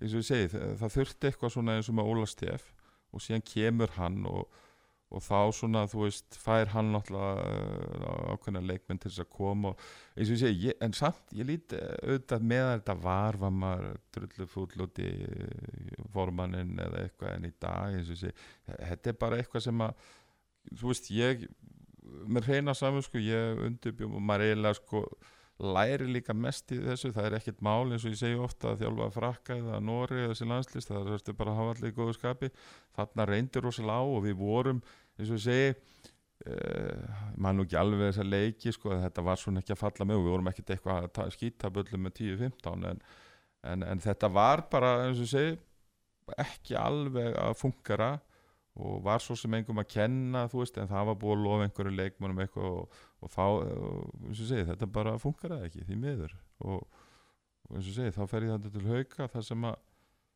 þar sem að ég náttúrulega bara fitta mjög vel inn í þar, umhverju þar líka og kannski fitta ég bara ekki nógu vel heldur inn í valsumhverju en, en eins og segir, þú þetta ferði í haugana það er ágætis árangur þar. Tekum við frábæri lið þar það- Nei, nei, nei.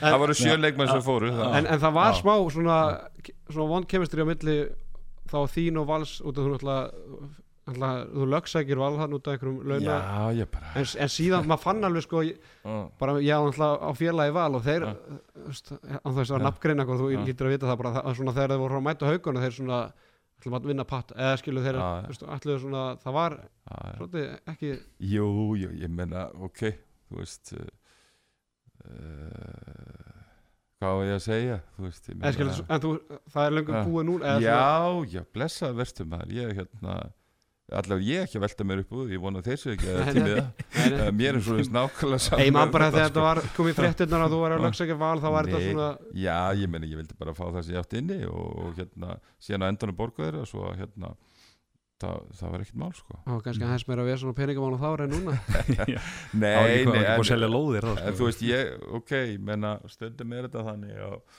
og það er bara hluta að þessu að, og því að öruglega lendi ég líka sem leikmenn að vera í hópi eða liðu sem að funkara vel og önnur ekki eða en þarna bara voru margir hlutir og þú veist að ég geti bent á einhverju hluti þeir geti bent á eitthvað en þú veist ég er ekkit að velta mig upp og svo já, valsmenn, þetta er, þetta er flottu klúbur og ég bara alltaf virðingu fyrir merkinu og hef, hef gert það í öllum félagum sem ég hef þjálfað og mér finnst valur eins og segja, þetta, þetta er, er mikið saga bak við þetta og, og mikið verðing Mhm. en svo bara 8-0 Já, árið, fyrsta árinu. Nei, já, það mér, er- á- öðru Það er á öðru Fyrst, ári. fyrst árunni verið dildameistarar já, og, og, og farið þetta ógleymanlega úslitin við á móti Úf, já, móti. Já.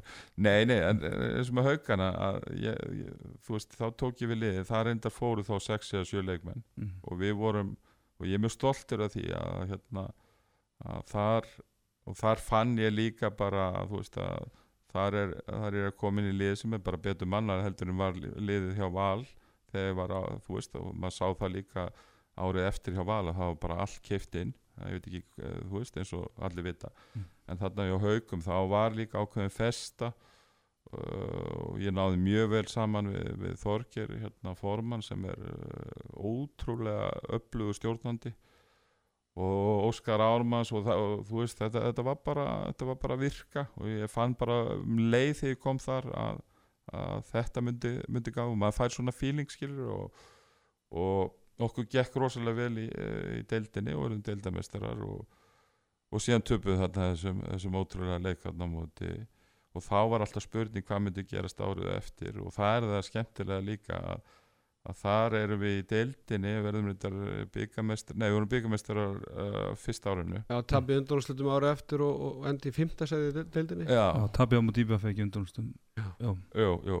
Það var svona IBF já, já, já, Gríla. já, eins og, já, Nei, nei, og þú veist, en það segir nú líka, ég menna, og það er það, og það, þú veist, með, með þetta fyrirkomulega og svona það, þú veist, ég er ekkit vissum að það, uh, þeir reyndu þetta fyrirkomulega í Þískalandi, hérna, svo úslega einu sinn og síðan hættir, það fannst það svo aðsnæli, auðvitað ertu náttúrulega, uh, setna ári hjá mér hjá haugum, þá lendum við í fimmtasæti og, og þar, en samt sem áður, förum við síðan inn í ústættakefnun og vinnum 8-0 sem hefur aldrei gerst.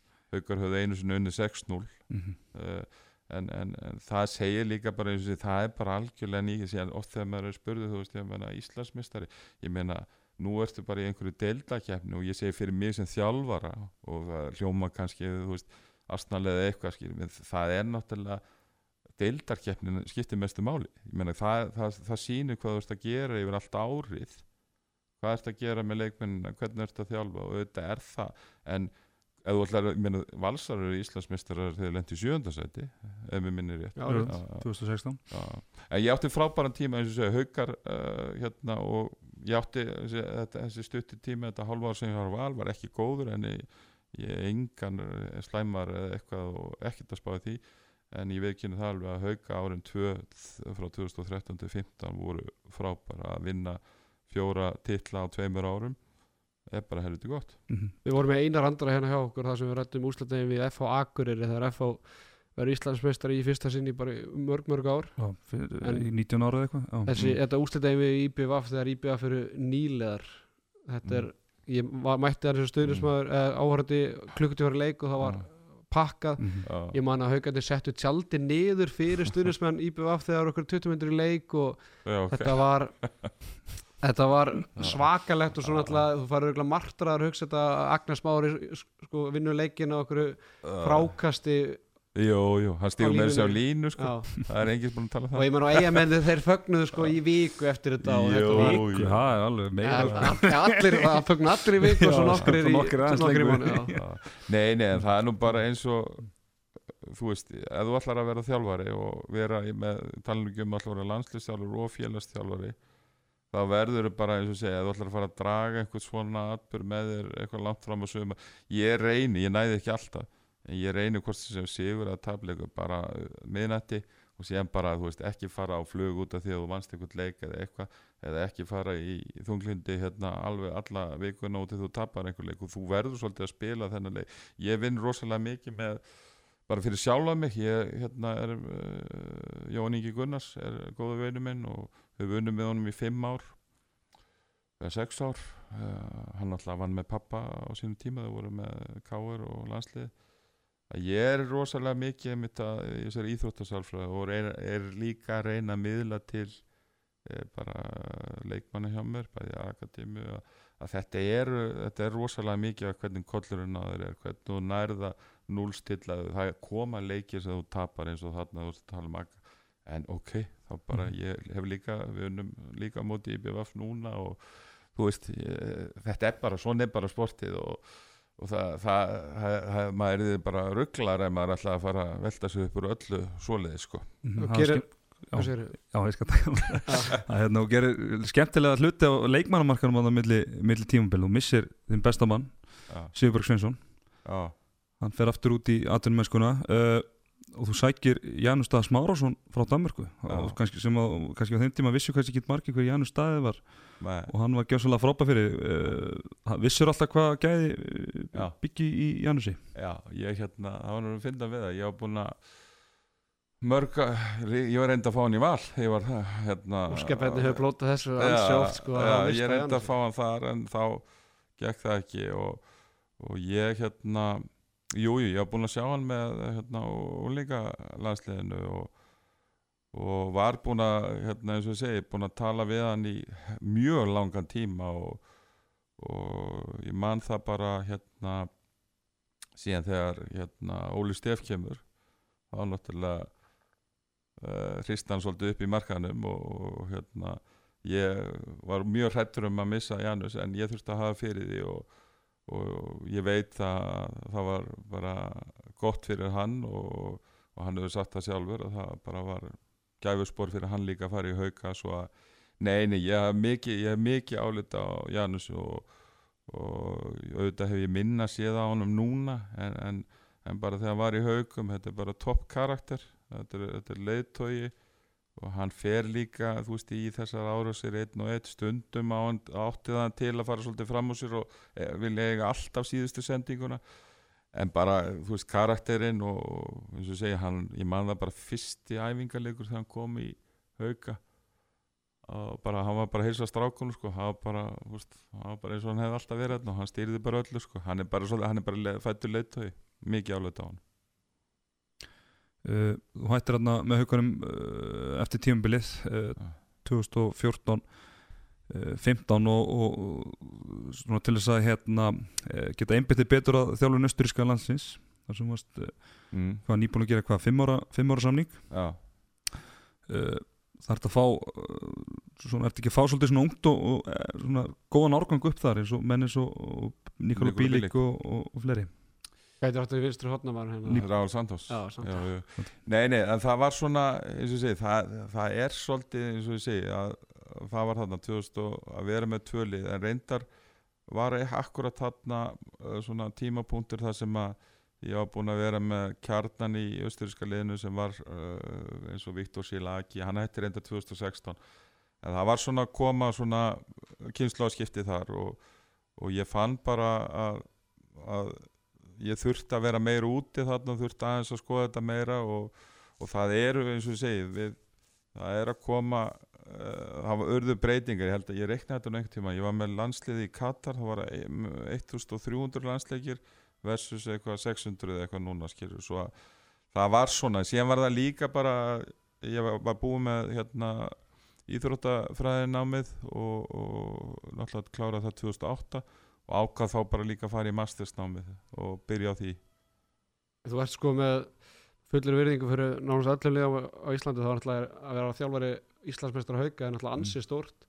Var ekki svolítið erfitt að bara kvæðja þá með Íslandsmeistra eftir aðeins tvö ár þú kannski að þjálfa hérna emstættin í eitt ár val Já. í hálft ár eða rúmlega hálft ár og svo loksins Nei, nei, að koma ja. smá stöðuleik í þetta þá Já, að fara. já, en, eins og ég segi uh, ég var náttúrulega búin að vera fjögur ár þá í Östuríki sko til 2015 Nei, nei og þú veist uh, það, uh, maður þarf bara, maður finnur það oft og ég meina það er ekkit endilega betra fyrir leikmennin að ég meina að vera, með einhvern í 5-6 ári eða ég meina stundum er bara gott að fá einhverja nýja.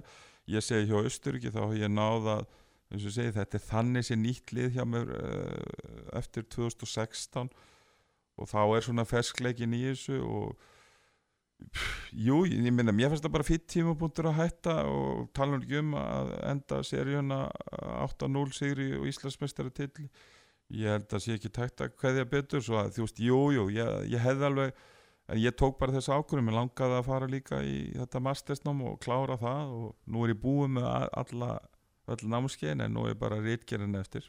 Komið fimm hás, háskóla gráður nei, nei, bara nei, nei, en ég ætla hérna að skrifa um uh, og það er, uh, það er skemmtilega með selfhúsliðið að ég ákvað það í fyrra að, að skrá niður sko bara eitt ár hvernig ég uh, hvað er ég miklum tíma í sendinga 2 og 2 eða hvað það er, hvernig er álaskiptingin liftingarnar og bara yfir eitt ár hvernig þjálfun er og, og ég held að ég er náttúrulega með allar þessu upplýsingar ég hef bara gefið tíma til þess að byrja að setjast niður og skrifa og, og það var náttúrulega frábært ári fyrra svo.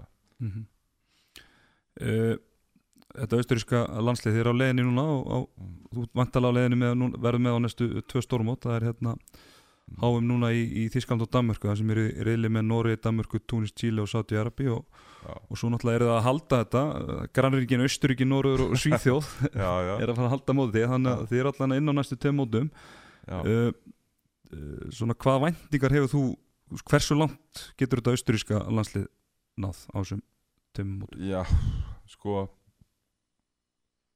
þetta er hérna ef ég fer bara yfir söguna við erum búin að vera að fara yfir söguna hérna í dag þá, þá náttúrulega var það þannig að austuríska landslið fór á stórmót 1993 HM í Svíþjóð. Síðan gerðist ekkert í 17 ár þangar til þeir halda mótið og þessi, þessi eh, þetta lið sem að í kringum Viktor Sjelagi, Konrad Vilsinski og þessi eldri strákar, Patrik Fölser þeir fengu þetta mót 2010 sem að dagur styrði og það var eins og ég segi þegar, ég er mjög stoltur af því að við, við, við eh, náðum hérna, komast inn á 2014 Evropamótið og síðan Katar 2015 Mhm. og það var svona með þetta eldra, eldri strákana og, og eins og ég er svona á þess að vera eitthvað að taka pressuna af þessu nýja liði en, en, en ég er mjög stoltur af því að við höfum náð eins og við treyðum okkur inn á EM í Kroatíu en ég vissi það alveg að liðið var enga veginn tilbúin í það. En, en og maður sá það bara í leik, leikjónum móti Nóri og Fraklandi, kvítrúsaleikurinn var jafn. En, en nú erum við búin að tryggja okkur sagt, á tvö stórmót eh, sagt á, með þetta yngra lið og, og væntingarnar, ég segi það eh, ég miði þetta svolítið við Sviss. Þar er svona svipu deild. Uh, þeir hafa reyndar meira fjármagn þar en Sviss hefur ekki bara síðustu ár verið inn á þessu stórmótum svo að, aðal markminn alltaf komast þar inn en, en, og ég segi það bara líka að það er klárt mála í þessum reyðli núna á HM þá, þá erum við í keppnu við Túnis, uh, Chile. Sátarnir, þú veist, að ná þessu þriðasæti og það er markmið okkar að komast en ég veit alveg eins og maður getur alveg unnið Danmörku, maður getur unnið Noreg en, en svona einna hverjum 20 leikjum og þá þarf þetta að vera til en ég, ég spilaði við Noreg núna um daginn og þeir voru látt, þeir voru miklu betri við, miklu betri. Einmitt, uh, uh, svo 2017 þá ferðu á uh, Selfoss. Mm. var ekki lætu að baka við það? Nei, Læti. Það þá var þetta fyrirhandi þjálfærin hann var að geta læti kringum þjálfarskipti Nei, nei, en ég meina svona er bara þessi bransi, jú, jú, ég meina Eh, Ég vissi alveg að þessu selfosli, ég var búin að, hérna, og ég segi, ég þekki náttúrulega söguna núna vel í dag og ég menna það voru bara, stundum er það bara sem segi þjálfun að menn vilja skipta um þjálfara og, og, og þarna var það að menn vildi bara eitthvað nýtt og, og hvort að rétt eða ránt eða eitthvað, það kemur síðan bara í ljós en, Það sagan hafa alveg dæmt það að það nú verið ágætis ákvörun hvað Þetta saga Nei, nei, mér þykir eins og með steppa ég þekki náttúrulega föður hans uh, mjög vel, hann átna og, og við erum miklu vinnir og það þetta verður norðan við ekki væntum steppa og, og mér er bara gaman að sjá að hérna og eins og segi uh, það er ekkert eitthvað uh, stundum bara eru hlutinu þannig að bara menn vilja breyta og maður er bara og hann er núna hjá Káa og ég held honum líði bara vel þar og, og segi, gangurinn í þessu er bara sem þjálfari og, og ég kem inn í þetta. Jú, jú, ef við tölum um það þá, þá, þá náttúrulega man ég það alveg að, að, að það var svona, liðið var búið að spila vel þannig séð en reyndar uh, búin að vera tveimur árum áður eða árin þar og undan bara í fyrstu deildinu svo ég vissi að þetta, þetta var töff verkefni að krefjandi ára væntingar og við gerðum alveg grein fyrir því Varstu hérna, nú ætla ég að fara bara mm. annarkvort fóðu sleggju eða ekki en, en Mm. þegar að stefnir það er ákveðas endurinn ekki samlingi með hann Já. var búið að tala við þig eða voru þeir að gera það bara og vissi ekkert hvað er að taka Ég, nei, nei, nei, nei. Ég, ég, ég, ég rætti við steppa og sagði hann um það og það var, þetta var engin félvikur en eitt, ég talaði bara hreint út við hann og sagði hann frá því og, og þá búið að ræða við hann svo að, nei, nei, þetta var eitthvað eins og ég segi, þetta var hasar í kringum þetta og þetta náttúrulega vildi hann örgulega halda áfram eða ég gerir ráð fyrir því en, en nei, nei, það, ég var hreint á beinn og bara hringdi í hann og sagði hann hvernig staðan væri Já. Mm. En uh, á þessu fyrsta áriðinu með liði þá uh, náði frábærum árangri, lendi í öðru sett í, í, í deildinni með jafnsteg og, og FOIBVF Já, uh, vinnir svo var, hvað var ekki uh, í áttalúslutum Stjörðunni á stjörnunni áttalúslutum já. Já. Og Vinn- svo uh, og sagt magnað innviðið við FO í undanlústum Já, já og þetta uh, þetta var frábært uh, hérna tímabil í fyrra og uh, eins og ég segi þú veist ég, hvernig þetta, ég, meni, ég tek við liðið sem var búin að lendi í 5. og 7. sæti reyndar unnur 11 leiki það tímabil gerðu 2 jættefli og töpuðu 14 leikjum en tímabili fyrra þá, þá vinnum við 17 leiki í deildin og töpum bara 5 og ég held að við tappa fyrsta leiknum minni mig, stjör, eh, manna, mútið stjórnun í fyrsta leik og val í þriða og fjórða leik. Og eh, ég var, einhver, ég var að taka þetta saman eins og, og núna. Ég meina við erum búin að spila í del 29 leiki og vinna 22 gera 2 jættefli og það er náttúrulega helviti góður árangur og auðvitað er ég ánæður með það og, og sérstaklega eins og eftir tímabili í fyrra ég var ánæður með handbólta sem voru að spila. Þetta var auðvitað líka sumur leikir sem þetta fjall með okkur og allt það. En, en ég var ánæður með svona uh, hvernig, hvernig liðið var að spila. Við vorum fjölbreyttir, við vorum stundum mjög langt úti aggressífir og varnarleikurinn var svona höfverkurinn í fyrra og það er það sem ég hef verið að vinna með. En, en uh, þetta eins og segi, mér liður rosalega vel að og sérstaklega bara uh, að vinna með þessu fólki þetta ég er náttúrulega með uh, Grím Herges með mér, Þóri Ólas Rúnar í styrknum. Má ekki gleyma Erni Þrastar sem er með kvennalið, hann er með mér í akademiun og, og maður finnur taland um sko að vera með eina heild þá, þá, þá er þetta þarna á Selfossi mjög þetta er mjög upplugt teimi kringum mig, ekki spurning. Og Jóndi, má ekki gleyma ég- honum. En þeir eru, ansi, þeir eru góðir á öllum vikstöðum en ekki nægilega góðir á, til að vinna titil í deild.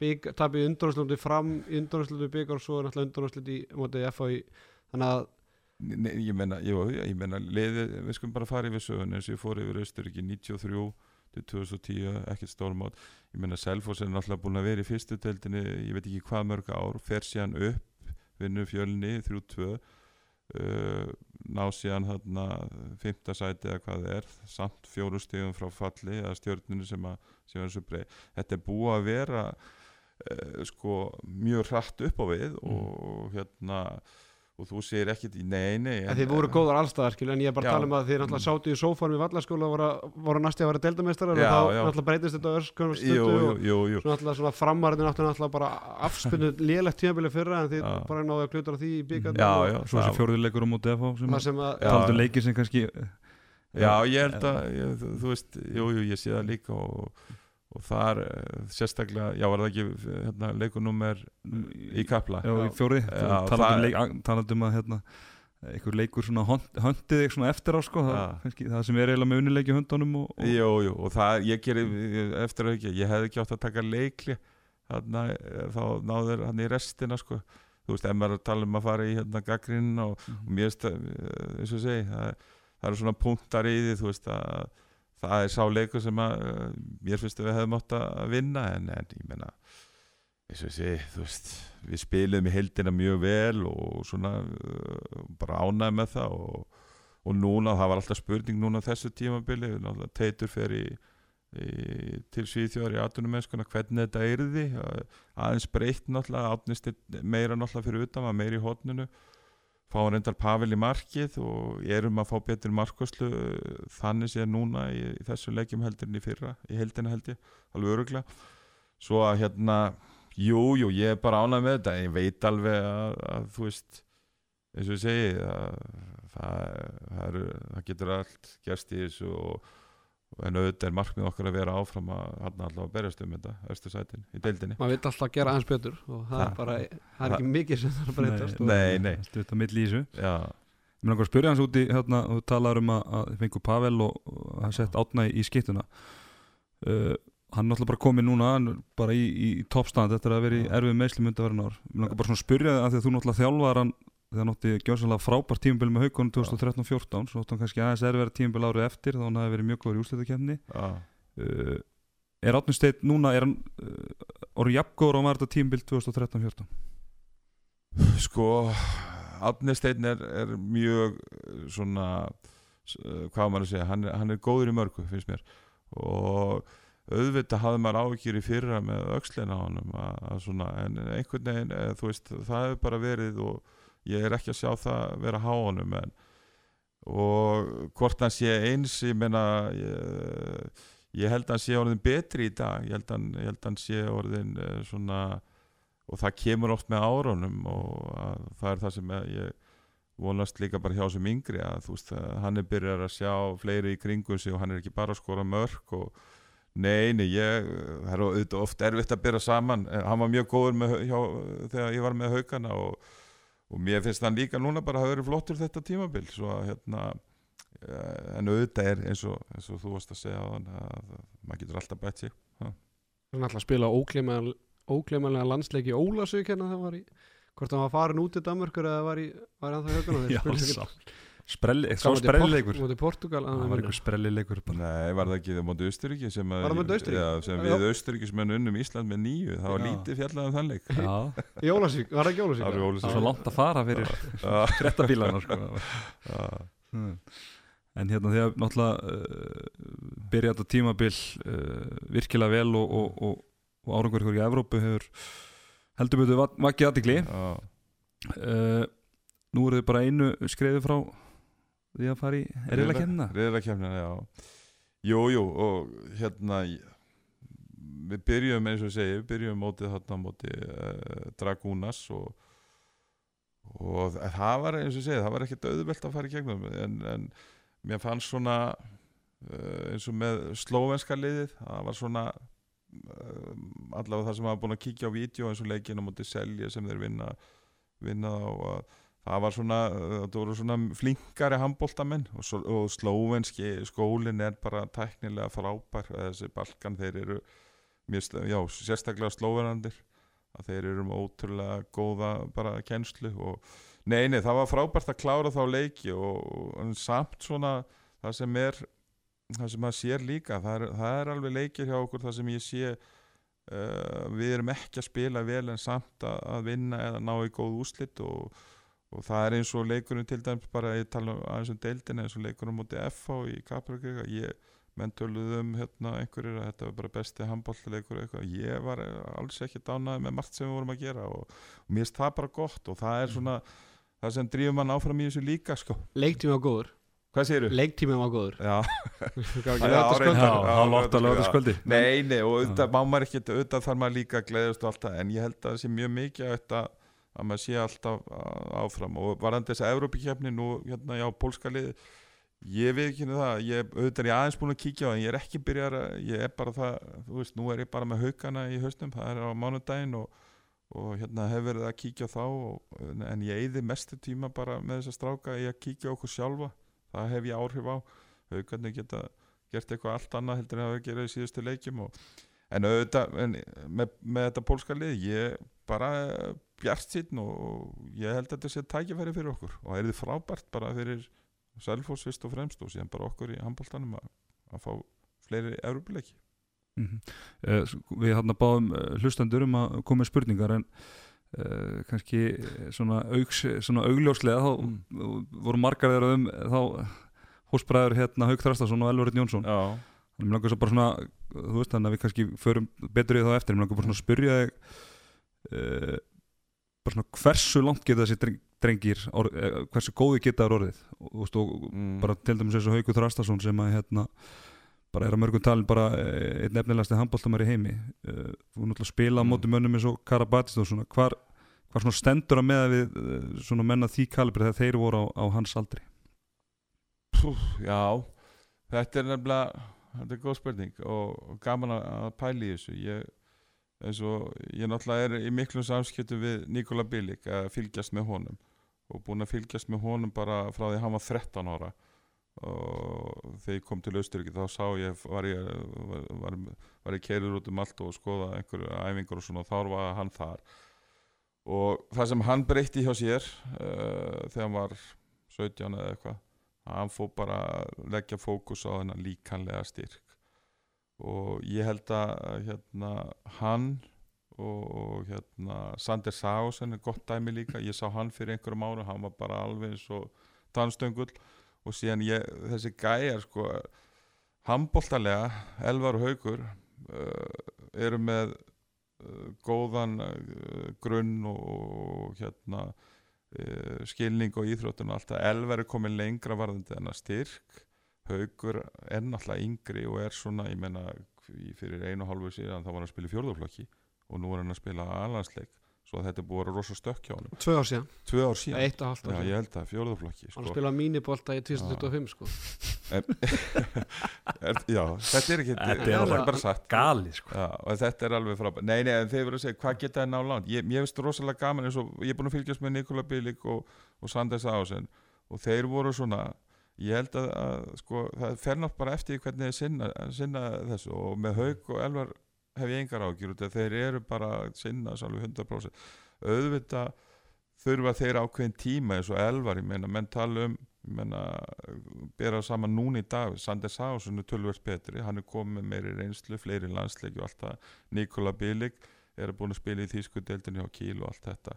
Eh, þeir hafa báðir uh, mögulega að verða eins og Nikola Bilik, Sanders Ásen eða Karabatsis eða hvað það er sko. En auðvitað, þess að segja, er mikið auðvitað að þeir uh, bara taki eitt skrif í einu skilur og, og fara ekki fram úr sér. Og ég held reyndar eins með Elvar maður, ég ná sá nú ekki landsleikin en á móti Tyrkjum var það held ég. Mm hann var frábær. Ha, en samt sem áður það vantar líka eins og þessi strákur þurfa að sína yfir leng, eða þeir ætla að miða sig við þess að toppa eða þeir ætla að miða sig við mig og einhverja fleiri hérna í gamla dag sem að þá, þá, þá eru þeir alveg klárlega jafn góður sko. En, en eða sig við toppana þá þarftu líka að geta sínt að í leikjum í deildinni trekk í trekk skilur að þú sért bara alltaf eins og Sanders Ásen hérna móti okkur í, í þessum landsleik skilur, hann var svo góður Mhm. að, hann bara stýrði öll og hann bara líkanlega, þú veist, þetta var bara hann var bara yfirbörðar en eins og með, þú náttúrulega þjálfari er þannig að mm. Svona með hagsminu liðsins kannski að leðaljósi þá myndur þetta vilja halda þeim sem lengst en, en Eh, Ég myndi ekkert vilja halda þeim eh, sko, eh, eins og með Elvar. Nei. ef að eh, það er eitthvað lið sem að Þískalandi eitthvað mm, topplið sem að vil fá hann og hann er að fara að spila þar og hann er að fá uh, mínótur og ég menna eh, hann á ekki að hika við að fara. Mm, en það er eitthvað miðlust lið í Þískalandi eða, eða eitthvað þar sem hann er með einhverju að spila með einhverjum gæja sem eru kannski ekki í sama klass eða eitthvað skilur, ég held að ég, held- ég held að það þurfa bara þú veist að sjá hvað er í bóði og ég menna þú veist hvað græðir að mest á? Ég, ég verð alveg og ég menna það eru, það eru margir sem að spyrja um út í elvar og auðvitað er ég heiðalur ég fer ekki að segja nei hann getur ekki neitt maður, hann er búin að slapp. Nei ég segi náttúrulega bara sannleikan Mhm. og, og hérna og hann er alveg klálega tilbúin í þetta þannig séðan en auðvitað þarf líka að spá í það að menna er þetta lið sem að er eitthvað vitt í eða hvernig er þjálfunin þarna og, og hann þarf að spá í margt. Ætlar að vera með puttun á svona í þessu þegar þeir fara? Þegar þeir fara? Sko. Nei, ég meina þeir eru náttúrulega bara eru með, með gott fólk í kringu sig og en ég meina auðvitað ef, ef, ef, ég ræði þú veist, ég meina ef ég spurður út í eitthvað þá bara hjálpa ég til með það og er bara heðurlegur í því. Ég, eins og ég segi ef það kemur eitthvað upp og, og mér finnst það áhugavert ég meina þá ætla ég ekki að fara að, alls ekki En þú sér hérna Hauku Þrastásson orðað við hérna Gummesbakki að Grossfallstad eða eitthvað, myndi ekki herðið stopp nú Já, sko. já, Ertu frekar hjá mér bara eitt ári viðbót og takt eitthvað alvöru mús og... Jú, jú, gúmisbakkir er eftir ég held að Grossfallstad sé í þriðutöld eða eitthvað svona. en nei, nei, en auðvitað verða menn bara auðvitað ákveða þetta sjálfur en, en uh, við, uh, eins og við erum að gera þetta í þjálfarateiminu, við æfum mjög svona sletta professional á selfossi, það er við leggjum uh, miklar áherslur á þeir hafa þetta allt þarna, ég meina við erum með bara akademi æfingar þar sem menn geta komið og ekstra á mánudagsmótnum klukkan 8 og farið í tækni. Uh, liftinga hérna þjálfunir er bara eitt af upplöðust hérna, við erum um, Viesteinn Hafsteinsson sem er eitt svo færist í þessu fæi er í tengingu við þjálfarana liftingaþjálfarana og selfur ég kem ekkert nála til, ég bara púsla handbóltanum kring og við leggjum rosalega áslá á þennan líkanlega þátt.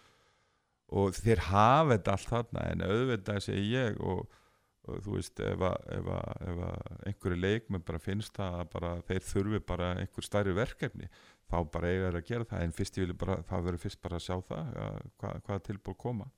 Mhm. Eru það ekki bara að fara, úr, fara í spurningar úr sal? Jú, það er svona Jú, við hefum alltaf getað verið með patta inn í fjóra tíma sko. En það er svona ein spurning sem er ekki úr spurningasæl en gæti hún Ok. alveg en Já. bara hvað er í vatninu á Selfossi?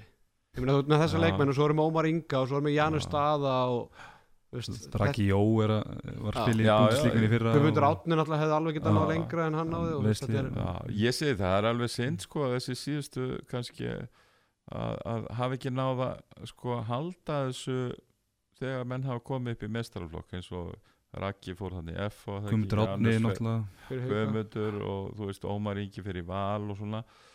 Uh, nei, nei, það er náttúrulega bara uh, góður, uh, þú veist mikill áhugi fyrir handbólta, lítið bæjarfélag og, og eina Guðmunds hefur náttúrulega verið með yngri flokkana þarna og, og það er svona ákveðin svona það sem ég uh, kann uh, vel að meta, það er svona uh, þú veist, þjálfunin er þarna, það er, það er það er eitthvað sem að, til dæmis ég ber saman við Austuríki, yngri flokka þjálfum þar. Þeir eru ofta að spyrja mig "Ah, hvernig stendur á þeirra á Ísland og þetta er ekki bara Selfoss, ég minnst almennt yngri flokka þjálfun og bæði hérna í kall og kvenna, við erum frábæra á Íslandi, við erum ótrúlega marga áhuga og góða yngri flokka þjálfun. Ég held að það sé það sem við lifum á, það er ekki það að HSI er svona risastórt batteri eins og, ég meina það vinna hjá Nóri norska handlæðsambandi 140 manns. Ég held að séu þrýr eða fjóri Við segja, en samt sem áður getum við alveg bóra okkur saman og erum að vinna Nóri í íslenska landsliði að tala- ég er að segja, en, en þetta, er, þetta er svona, og á, talandu Selfoss jú, jú, það er bara þú veist, yngri flokkur, það er ákveðin líni í þessu.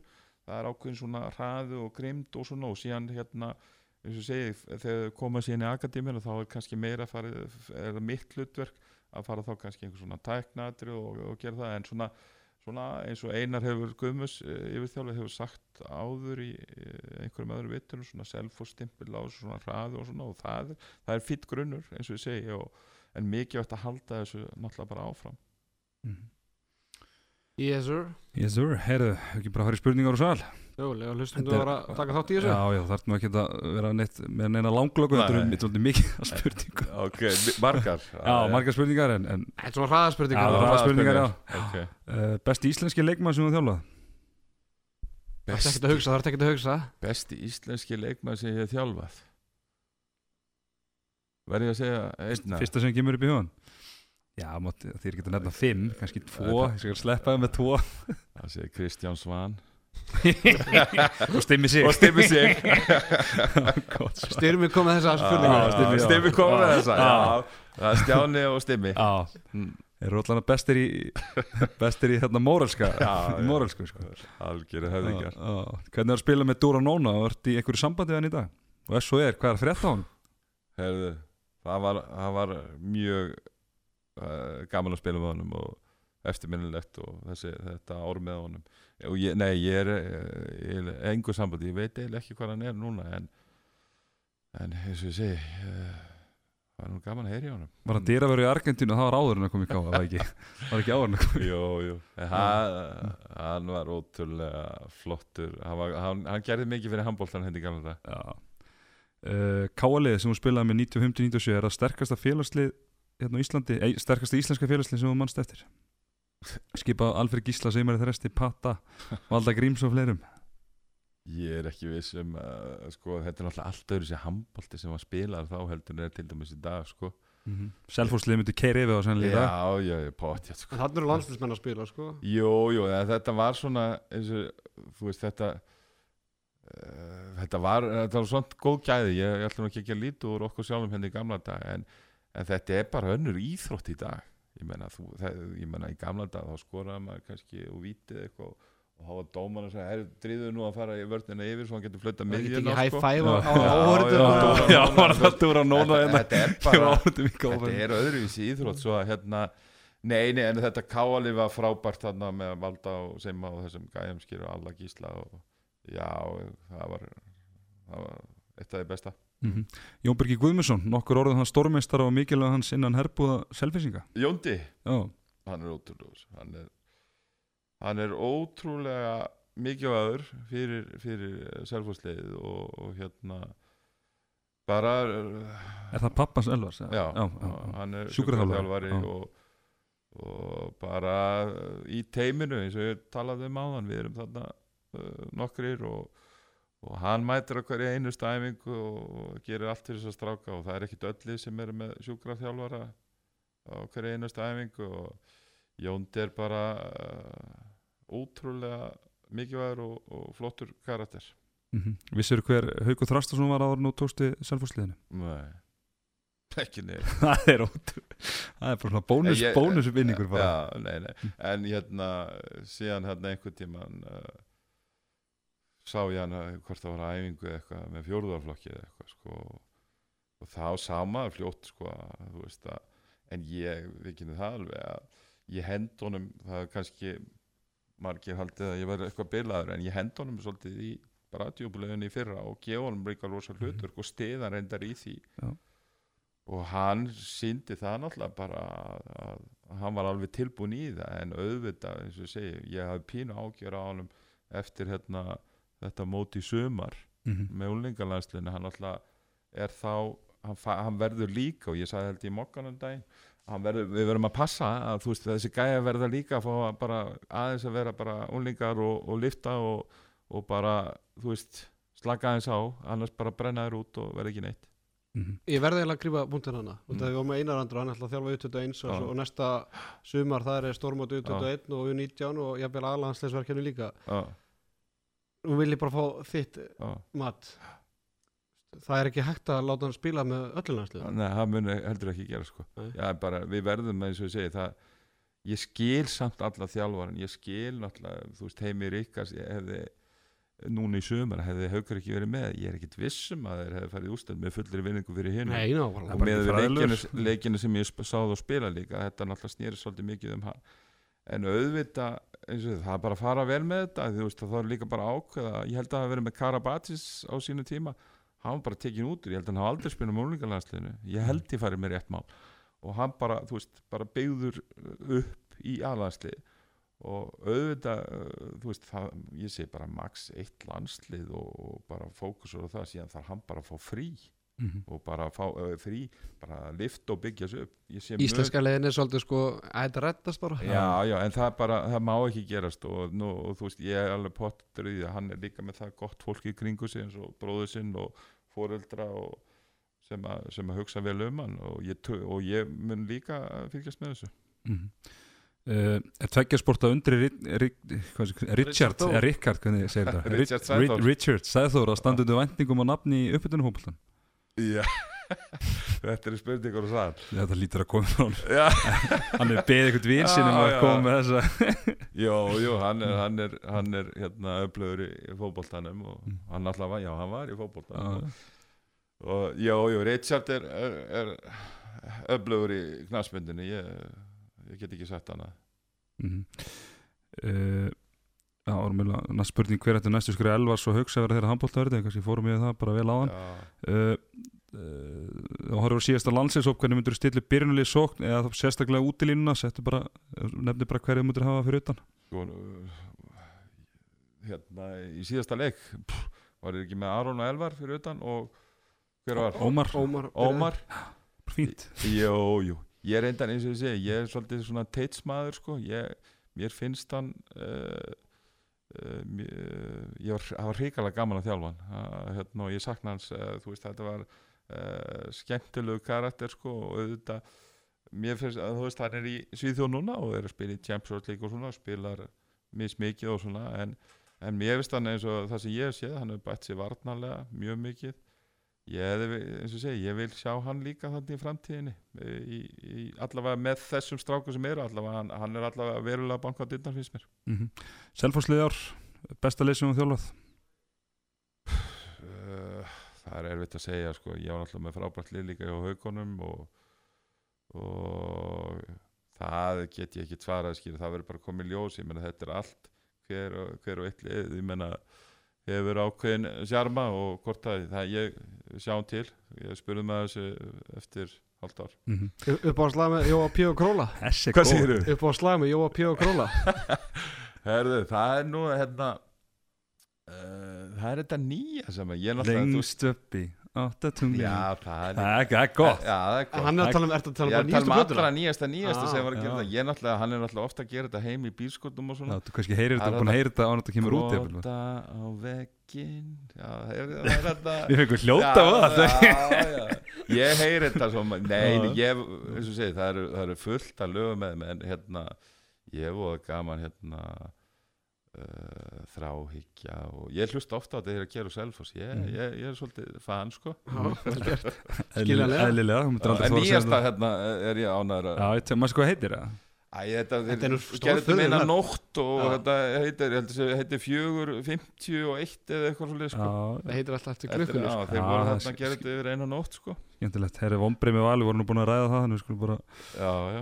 rættum það vel á hann Þannig að þú veist, þú hefur búin að svara þeirri spurningu uh, Eh, spurningin er eiginlega efaðast einhvern tímann um þjálfara geta þína hún, hérna, efaðast þú einhvern tímann Er eitthvað ágæði valsar- þitt er eitthvað valsar að spyrja Nei, þetta? þetta er þetta ekki í valsari.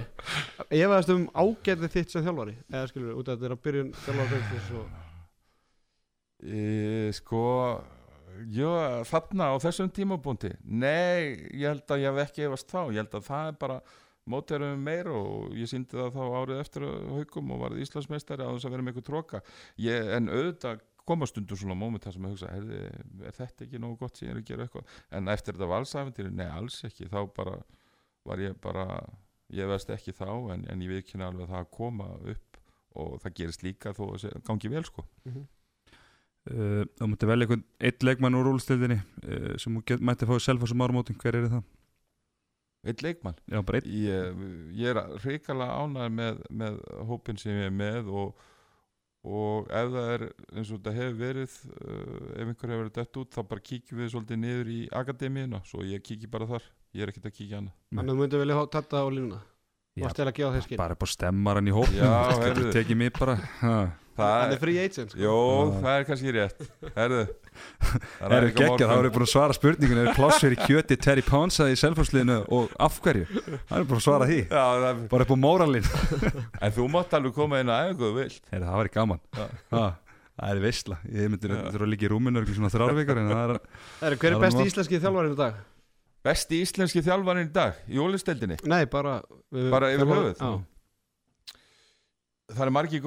uh, Gummi Gummi Alfred Gísla er bara spurning.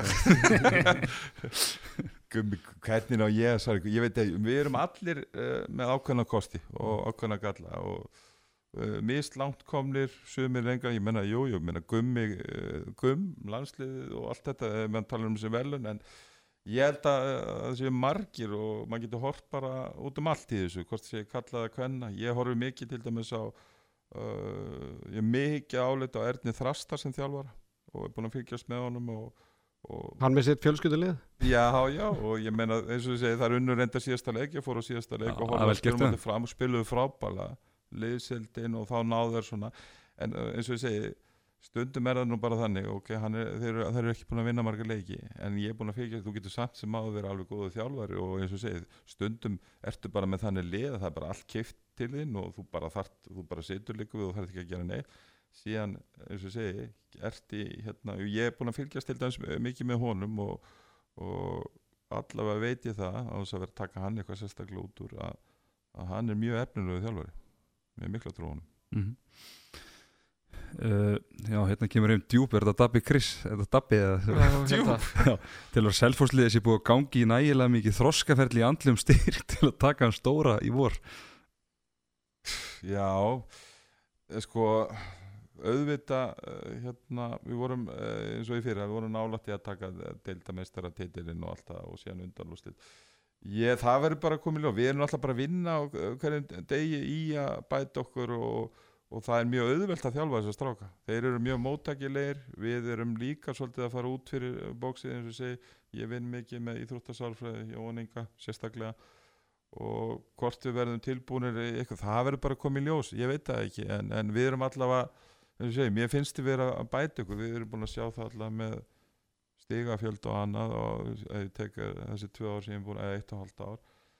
En síðan er bara annað, ég menna lið hafa orðið Íslandsmeistar í 7. og 8. sæti og við vitum ekkit hvað við lendum í deildinni, það getur þess að verið í 5. og 7. og 7. og okkur var spáðið í fjórða mm -hmm. Þessi stutt Já, Er Greta Þór Eithórsson besti leikmar í sögu efstudeldar á Íslandi? Eða maður Já já en nei spurning Já, ekki spyr hann, hann hérna hann, hann eh, var nú í stjörnin hérna í gamla dag og æfði þegar hann var í námi held ég í bænum og, og var þá með stjörnin að æfa og mm. Hann er, veist, hann er mikið fyrir eigarlið og hérna hann er lungin og, og hérna hvort hann sé að allra besti í deildinni frá uppæði að hvað var spurning Já, uh, veit ekki en, en hann er allavega mjög mikið fyrir eigarlið og hefur sínt það í gegnum árin. Hann með þess að spila þessi inn í landslið á þeim tjómbúti sem hann var eiginlega bara að hætta þegar þeir eru Íslandsmeistarar þarna 2000 og 14 Já. Já, já, Hvern- Hvernig var að spila landsleik á Neskjöfstöð á tíunda áratugum? Á Neskupstað Já. það var bara gaman. Á móti hverju var það? Ég veit það ekki, þetta er bara svo sko. Daniel G. Moritz, hann er nú já, hann ok. er nú þaðan, hann, hann er vantilega verið já, já, það, það var mjög skemmt ekki ekki við séð að verið spilað landsleikir hann sko. Ha, já, það kom ekki í þessum greinu sem við fundum hérna. Hversu mikill meistar er Roland Schlinger? Virkar nettur? Roland Slinger já, já, já, hann er reyndar hættur í hérna, landstýrum hann hætti 2015 það var hann örfendi nei, hann að kuppurinn hérna hann spilaði með Ademar Leon og Balingan í Já, Þískalandi hann er, hann er nokkuð léttur og nettur og, og hérna er hættur núna í handbolta og er held ég á leið í pólitík í Östuríki já. Svo að hérna mikill rauðvins svona sérfræðingur. Mhm. Og já bara hvað var spurningin, hvernig hann væri það já, bara nettur. Já hann er nettur. Mhm. Herðu, Þessi er svolítið erfið, en hún er já. Elvar Örn eða Janus Staði Elvar Örn eða Jannu Staði Já. það er ég það er ekki sér Ger ekki upp á milli barna Er þú varst að búa þess að Nei, nei, Nei, hann var þetta ekki að búa hann til. En ég var reynda mjög ánægð með þessu. Þú náttúrulega varst, eins og við tölum um aða Mikið Janus Staði maður og fegst hann í haugana Já, já, en eins og ég segi þú veist, það er nú bara eins og með þess að stráka. Mér, og mér veist hérna, En ef við breytum henni aðeins á, veist, á Janus Staði verið landsliðinu? Já, já, einhver spurning það veit ég ekki. Hann að, ef hann var austuríkismæður þá var hann austuríkismæður nei, nei, auðvitað, eins og ég segi það eru svo margir og hérna og það, það er mikið auðvitað talað um sko, þú veist, eðlilega aðlandslismenn núna, Haug og Elvar og allt það. En það er, við erum með svo marga flotta gæja hérna á Selfossi sem að sem að hérna, eru, eru, eru öflugir og sem þjálfari þá þarftu náttúrulega bara þykja væntu það alla. Svo að ég nenni ekki að svara svona spurning Haukur Þrastason, er þetta mest efni sem við þjálfað? Já, ég held það að hérna með fullri vinningu fyrir öðrum hann er, hann er náttúrulega eins og segi uh, alin upp við bara handbolta og ég er nú búin að sjá videoklippur að því þegar hann og bróður hans er að æfa ákveðin skot bara undurskot eða kringluskot eða hvað. Svo hann er, já, já, hann er hann er örgulega, já, það er rétt. Mm Hérna kemur einu uppáhalds hérna. Hvernig markverðu var Styrmi Sigursson? Hvernig markmaður var hann? Þú veist, var hann að hann er, tve- hann, hann er potið spurt þessu líka sko. Já, hann var teknilega með yfirburði uh, fram yfir alla aðra markmenn Já, svo, Nei, svo, nei, svo, svo fallegu líka Stimmi, Stimmi var uh, hefði getað langt í þessu en hann hætti eftir að hann, hann hérna náði einhverju góða leik þannig að hann bara fekk hann nóg, fór að gera eitthvað annað. Mm Hjörvar Hafleðarsson hérna, diggast í stundum sem var háka á gæðin í grill 66 deildinu komið þér á óvart. Hjörvar, já, þú meinar. Nei, veistu það Nei, nei ég, við kennum það, ég ætla bara að hreinskýra Ég er ekki búin að sjá mikið en, en, en uh, auðvitað gæti ég þurft að gera það við lendum í byggar eða eitthvað svo leis Við sátum hjá núna í byggarnum svo að maður veit ekki hvernig þetta dregst saman en uh, já, já, skilaðu hvað það Hjörvar. -hmm. Hefur ekki endur þetta á, á, á seinustu? Uh, sem er svona tengist í seinustu tvær? Já, já, já, já. Út af bara úrvarsli leikmanna sem við spila með? Bara svona fyrsta sem þetta eftir í hugur, ekki að hugsa þetta nýtt Úrvarsli leikmanna. Maður tvo í hverju stöða Já, þetta þarf ekki endilega að bara Nei, vera bestu, heldur bara svona sem þeir le- leið vel með eða voru góður í hópa Já, ég, ég menna Þú veit nú þetta ekki bara að spila með það mörgum Nei, nei, nei, nei Nei, menna í landslinu Dagur Óli og Guðján Valur uh, Palli Þóros ég, alltaf gaman að spila með honum líka Mhm. uh, Óli Gviliki Torgo Vanov þetta tímabil þar það var, Mhm. það var gaman alltaf að spila með alla, öllu káaliðinu og þú veist, það er ríkala erfitt að fara að segja eitthvað svona En hver er það bestu leikmann sem við spila með? Það er Óli Gviliki hann er hérna, alveg sorglegt sko. hann dó allt ungur uh, 33 ára uh, krafa meini hann var alveg yfirbörðar hann var bara hann uh, hann gætt gert allt á handbóltaveldinu fannst mér og bara frábær, ok, varnarlega kannski ekki sérstakur en, en sóknarlega alveg Þú vannst það upp ha? Þú vannst Já, varðan já, ekki ég vann var, Nei, hann, hann er mjög uh, hann er á topnum hjá mér og, og, og hérna og var frábært, frábært leikmar Hverju verða Íslandsmeistarar? Hverji verða Íslandsmeistarar? Seinasta spurningi maður. Uh, það er spurning. Það er, síðast var það liðið sem að lendi í fyrsta seti í deild. Þar og undan var það liðið sem að Sjönda, sjönda ég veit þar á hérna, fymta það Hverju verða Íslandsmeistarar? Það eru mörglið sem kom til greina Bara gróta, ha? gróta Já, ég meina, akkur ekki Ég meina þetta, þetta er bara nýtt mót Þú veist, ég meina, núna deildin Þú veist uh, Ef ég segi Selfoss Ég meina, ég get alveg sagt Selfoss Ég get sagt IBVF, ég get sagt Valur aftur, Það er fullt af liðum, sko Svo að Mhm. hérna Það kemur bara ljós Það kemur Svona langt að maður, svona, maður hugsa um þetta maður alltaf geta svona narra þetta niður í tvö-þur lið það er svona, maður finnst svona alveg genuinely alveg sexli eiga bara virkilega góða möguleika núna.